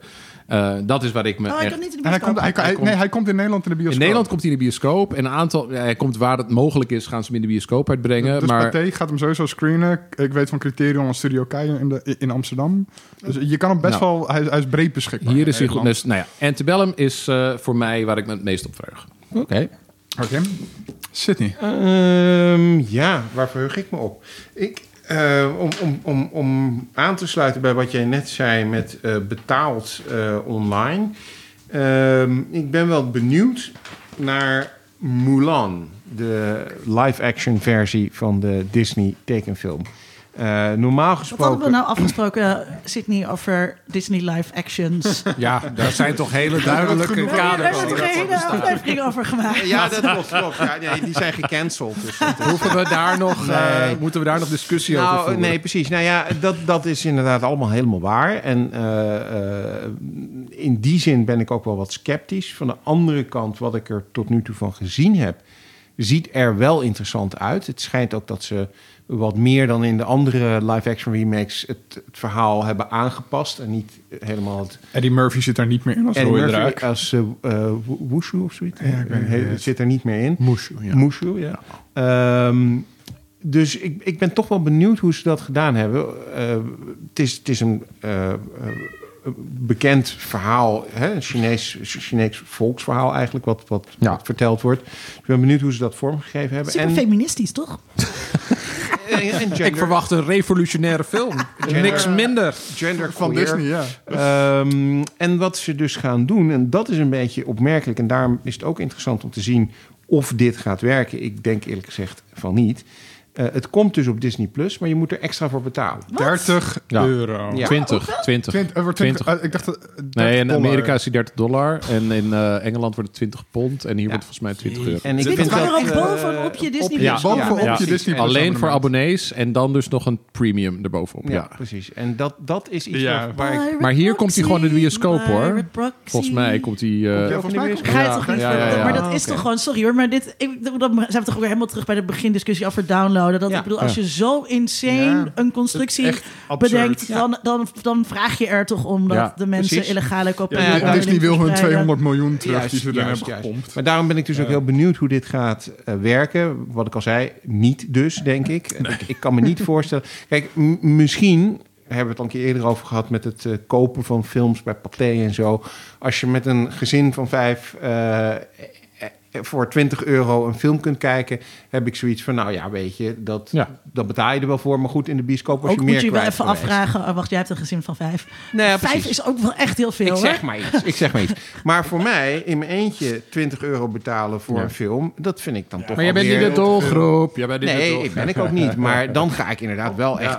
Dan Wordt bijna van, ja, dan ga ik wel echt in de bioscoop eh, aanvallen? eh, eh, zitten. Ja, ze, ze greep naar mijn hand. Er werd hier een eh, aanval uitgevoerd door een kat. dat Ehm, maar goed. Mulan. Ik, ik ben dus heel benieuwd. Ik ben eh, oké. gewoon hoe het eruit ziet. En ik ben benieuwd of het gaat werken op deze manier. Wat ik dus niet denk. Nee. Ehm, Het is ook wel ironisch ergens dat die film is dus de reden waarom hij zo afwijkt. Hè. Alle, al die Ja. afgrijzelijke, afgrijzelijke en soms fascistische Disney eh, live-action-achtige films zijn saaie clones en minderwaardige clones van hun geanimeerde varianten. Uh, maar die ook zo slaafs waren altijd over het origineel. Ja. En de, de reden waarom Mulan dat niet is, is omdat nou ja, de, de- hun versie van die Chinese volksvertelling buitengewoon oneerbiedig omgaat Ja. met Chinese Ah, cultuur op allerlei fronten. En nu Ehm, willen ze graag geld En in China. omdat China een gigant, grootste de, enige ja. groeimarkt is voor Ja. Disney, is, was de Chinese film eh, bioscoopmarkt was dus ook eh, hun eh, een, een enorme overweging in hoe ze Mulan Mm. vorm hebben gegeven en hoe die dus precies afwijkt. En al, ja, ik ben, ik ben dus, ik deel je nieuwsgierigheid wel, omdat ik ja ergens hoop je tegen beter weten in dat, die vernieuwing gaat, dat het ja. betekent dat dit ook een soort van leven in die film is gekomen per ongeluk. Hmm. En dat niet alle scherpe randjes eraf zijn gepolijst door het, eh, het, het eh. Disney-comité. Ik hoor de narrator zeggen... Sydney, It didn't Sydney happen. and were extremely disappointed. nee, ik heb er geen verwachtingen van. Nee. Disney is Disney. How could I make a man out of you? Eh, Ehm, ja, eh, dus die, daar kijk ik naar uit. En eh, dan moet ik er eentje kiezen, want er zijn nog een heleboel eh, dingen die Ah. komen. Dan kies ik toch maar I'm Thinking of Ending Things. De nieuwe van Charlie, Charlie Kaufman. Dat is op zich al eigenlijk punt. Want als Ja. je dat zegt, dan zou de luisteraar moeten weten dat je dus moet gaan kijken. Ja. Ehm, het is gebaseerd op een, eh, ro- een roman van een Canadese schrijver. 2016 is er uitgekomen. Kort gezegd, een jongen krijgt een vriendin. Neemt die vriendin mee naar zijn ouders. En dan gebeuren er al hele rare dingen die je in de trailer al een beetje ziet. eh, maar waardoor je meteen het idee hebt van... nou, dit, dit, dit moet eigenlijk wel gewoon fantastisch worden. Ja. Ehm, en hij komt gewoon op Netflix. Ja, ja, Ja. dus eh, gewoon gaan kijken. Over twee Ja. weken of zo, hè? Ja. Nee, volgende week. Volgende week al, ja. nou, Linda. Ehm, ik kijk uit eh, ook naar Netflix ehm, de serie Ratchet. ehm, over Nurse, Nurse Ratchet. Eh, Oh, van, One. Flew One Over the Cuckoo's Nest. En wij keken die film met school. En toen wij ook. heb ik dat, dat heeft zo'n indruk op me gemaakt. Die actrice en de oneerlijkheid van het alles. Ehm, en het is een eh, Ryan Murphy-serie. Ehm, wel weer met Sarah Paulson. En Ja. ik ben haar eigenlijk een beetje zat. Eh, ze speelt altijd een beetje hetzelfde Wie- type. wie is het? Ik- ik heb Zij speelt in American Horror Story Oh, in al die gekeken. seizoenen. De fragiele vrouw met... Dus ook in eh, die O.J. Simpson-serie Ook was ze ken de advocaat. Aanklager. Anyway. En, ehm, maar dus de, de tagline leest... In 1947, Mildred Ratchet begins working as a nurse... at a leading psychiatric hospital. But beneath her stylish exterior... lurks a growing darkness. Da, da, Dus, da. eh, ik hoop dat, eh, dat eh, die Sarah Paulson het niet eh, verkut. Vanaf Ja. 18 september Ja. op Netflix. Maar ja, en, en, en er zitten een aantal andere actrices nog in die ook wel interessant zijn. Cynthia Nixon is eigenlijk altijd wel leuk, vind ik. Bekend je- van Sex and the City. inderdaad. En van Eh, haar. en Sharon Stone. Oeh, oh, ja. Sharon Stone. Ja. One Flew Over the Cuckoo's Nest is ook zo'n film die je dan op de middelbare school ziet en denkt van... Oh, wat heftig en wat imponerend en wat een, wat een, wat een belangrijke, veelzeggende Mhm. film. En dan kijk je hem later en dan zeg je... Holy shit, dit is gewoon een film over hoe alle vrouwen ofwel hoer zijn... of een dominante fix die jou wil castreren. Ja, want dat zijn de enige vrouwen die erin voorkomen. Ik, ik heb hem echt al zo? gewoon sinds mijn dertiende niet gezien, denk ik. Ja, het is echt bizar. Het is echt, dat is ook weer zo'n ding dat, hoe ik dit nooit eerder heb, zo heb gezien. Mhm. Het is gewoon, er zijn, je hebt Nurse Ratched en haar, de kutwijven die voor haar werken. Mean Girls. Ja, en je hebt dus de hoeren die eh, hij meebrengt en waarvan hij zegt, hey, neuk even met hem, joh, want eh, Mhm. hij heeft het nodig. Oh. Dat, is, dat zijn de enige... Wat jammer. Nou, Castrating Ja. bitches or horse. Misschien moet ik ook even het boek... Moet ik eerst even het boek herlezen. Dat is misschien ook wel aardig. Ken Kesey hates women. Ehm, eh, ja, dat. Ja, dat Oh, was hem. Ja. Ja, en, nee, eh, had en, je ik kijk, ik ook, en ik kijk ook uit naar het podcastfestival. Ja, inderdaad. 18, 19 en 20 september in Amsterdam of Utrecht of Rotterdam Of Groningen. Groningen. Je kunt overal naartoe. Weten ze nog niet waar het is? Nee, het, op is overal. locaties. Oh, Ja, het is zeg maar net als de en, maar of. Uh, Net als en- de en of. MCB-borrel eh, van het departement. Oh, dat ja, dat ja, in ja. verschillende steden had, hebben ze dus Ja. dit. Dat, dat, je, dat je dus met andere podcastluisteraars samen kan komen, want dat is leuk.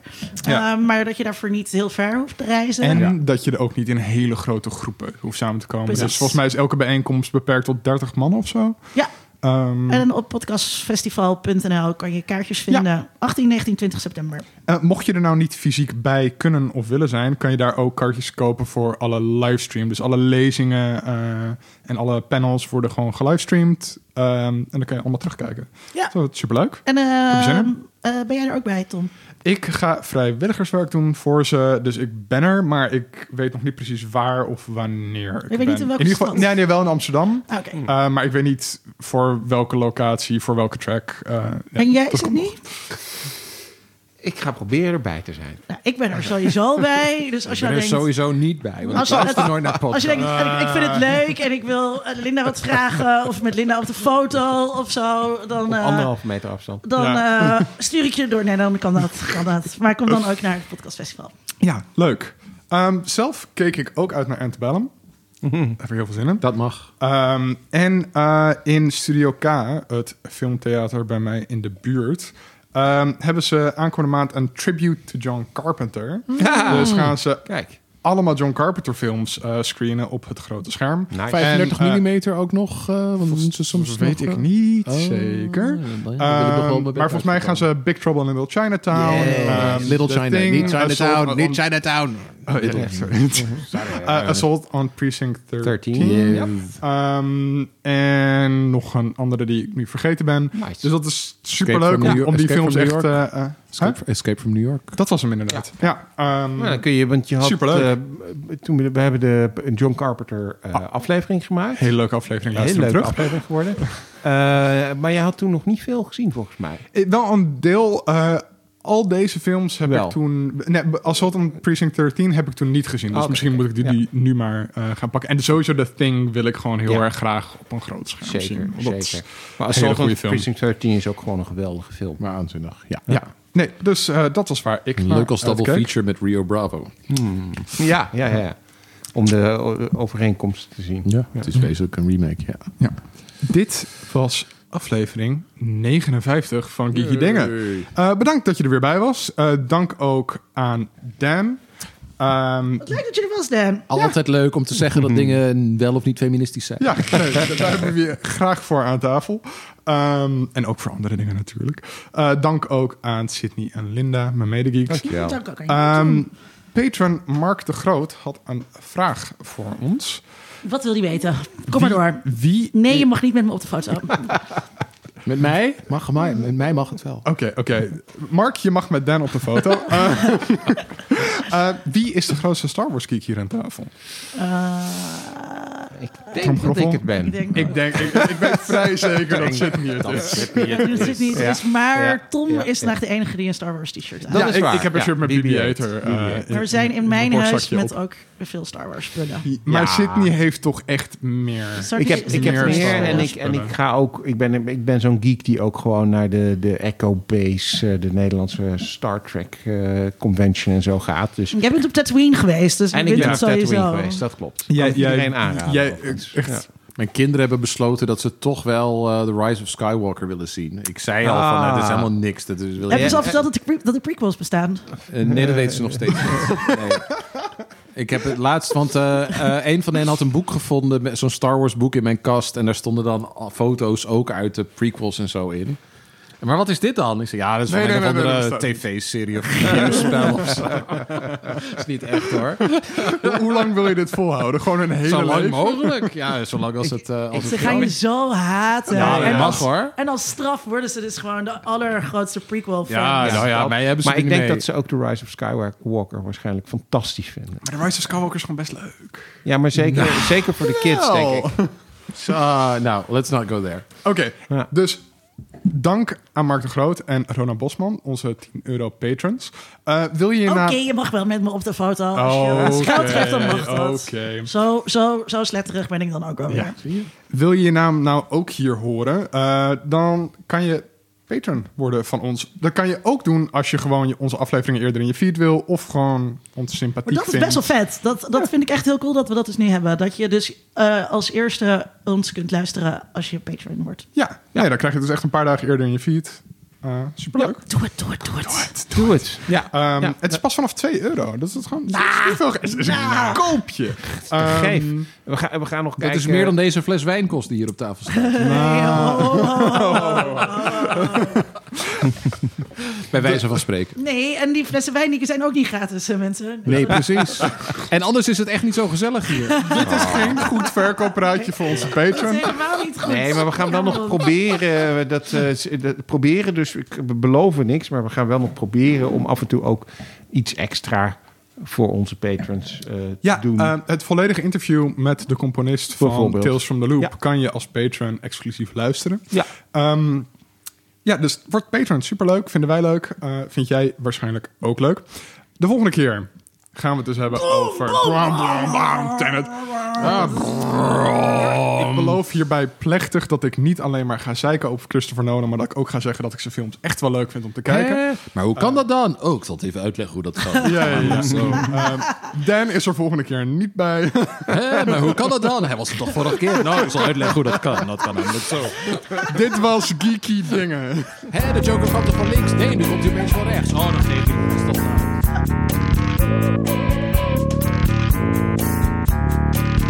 Thank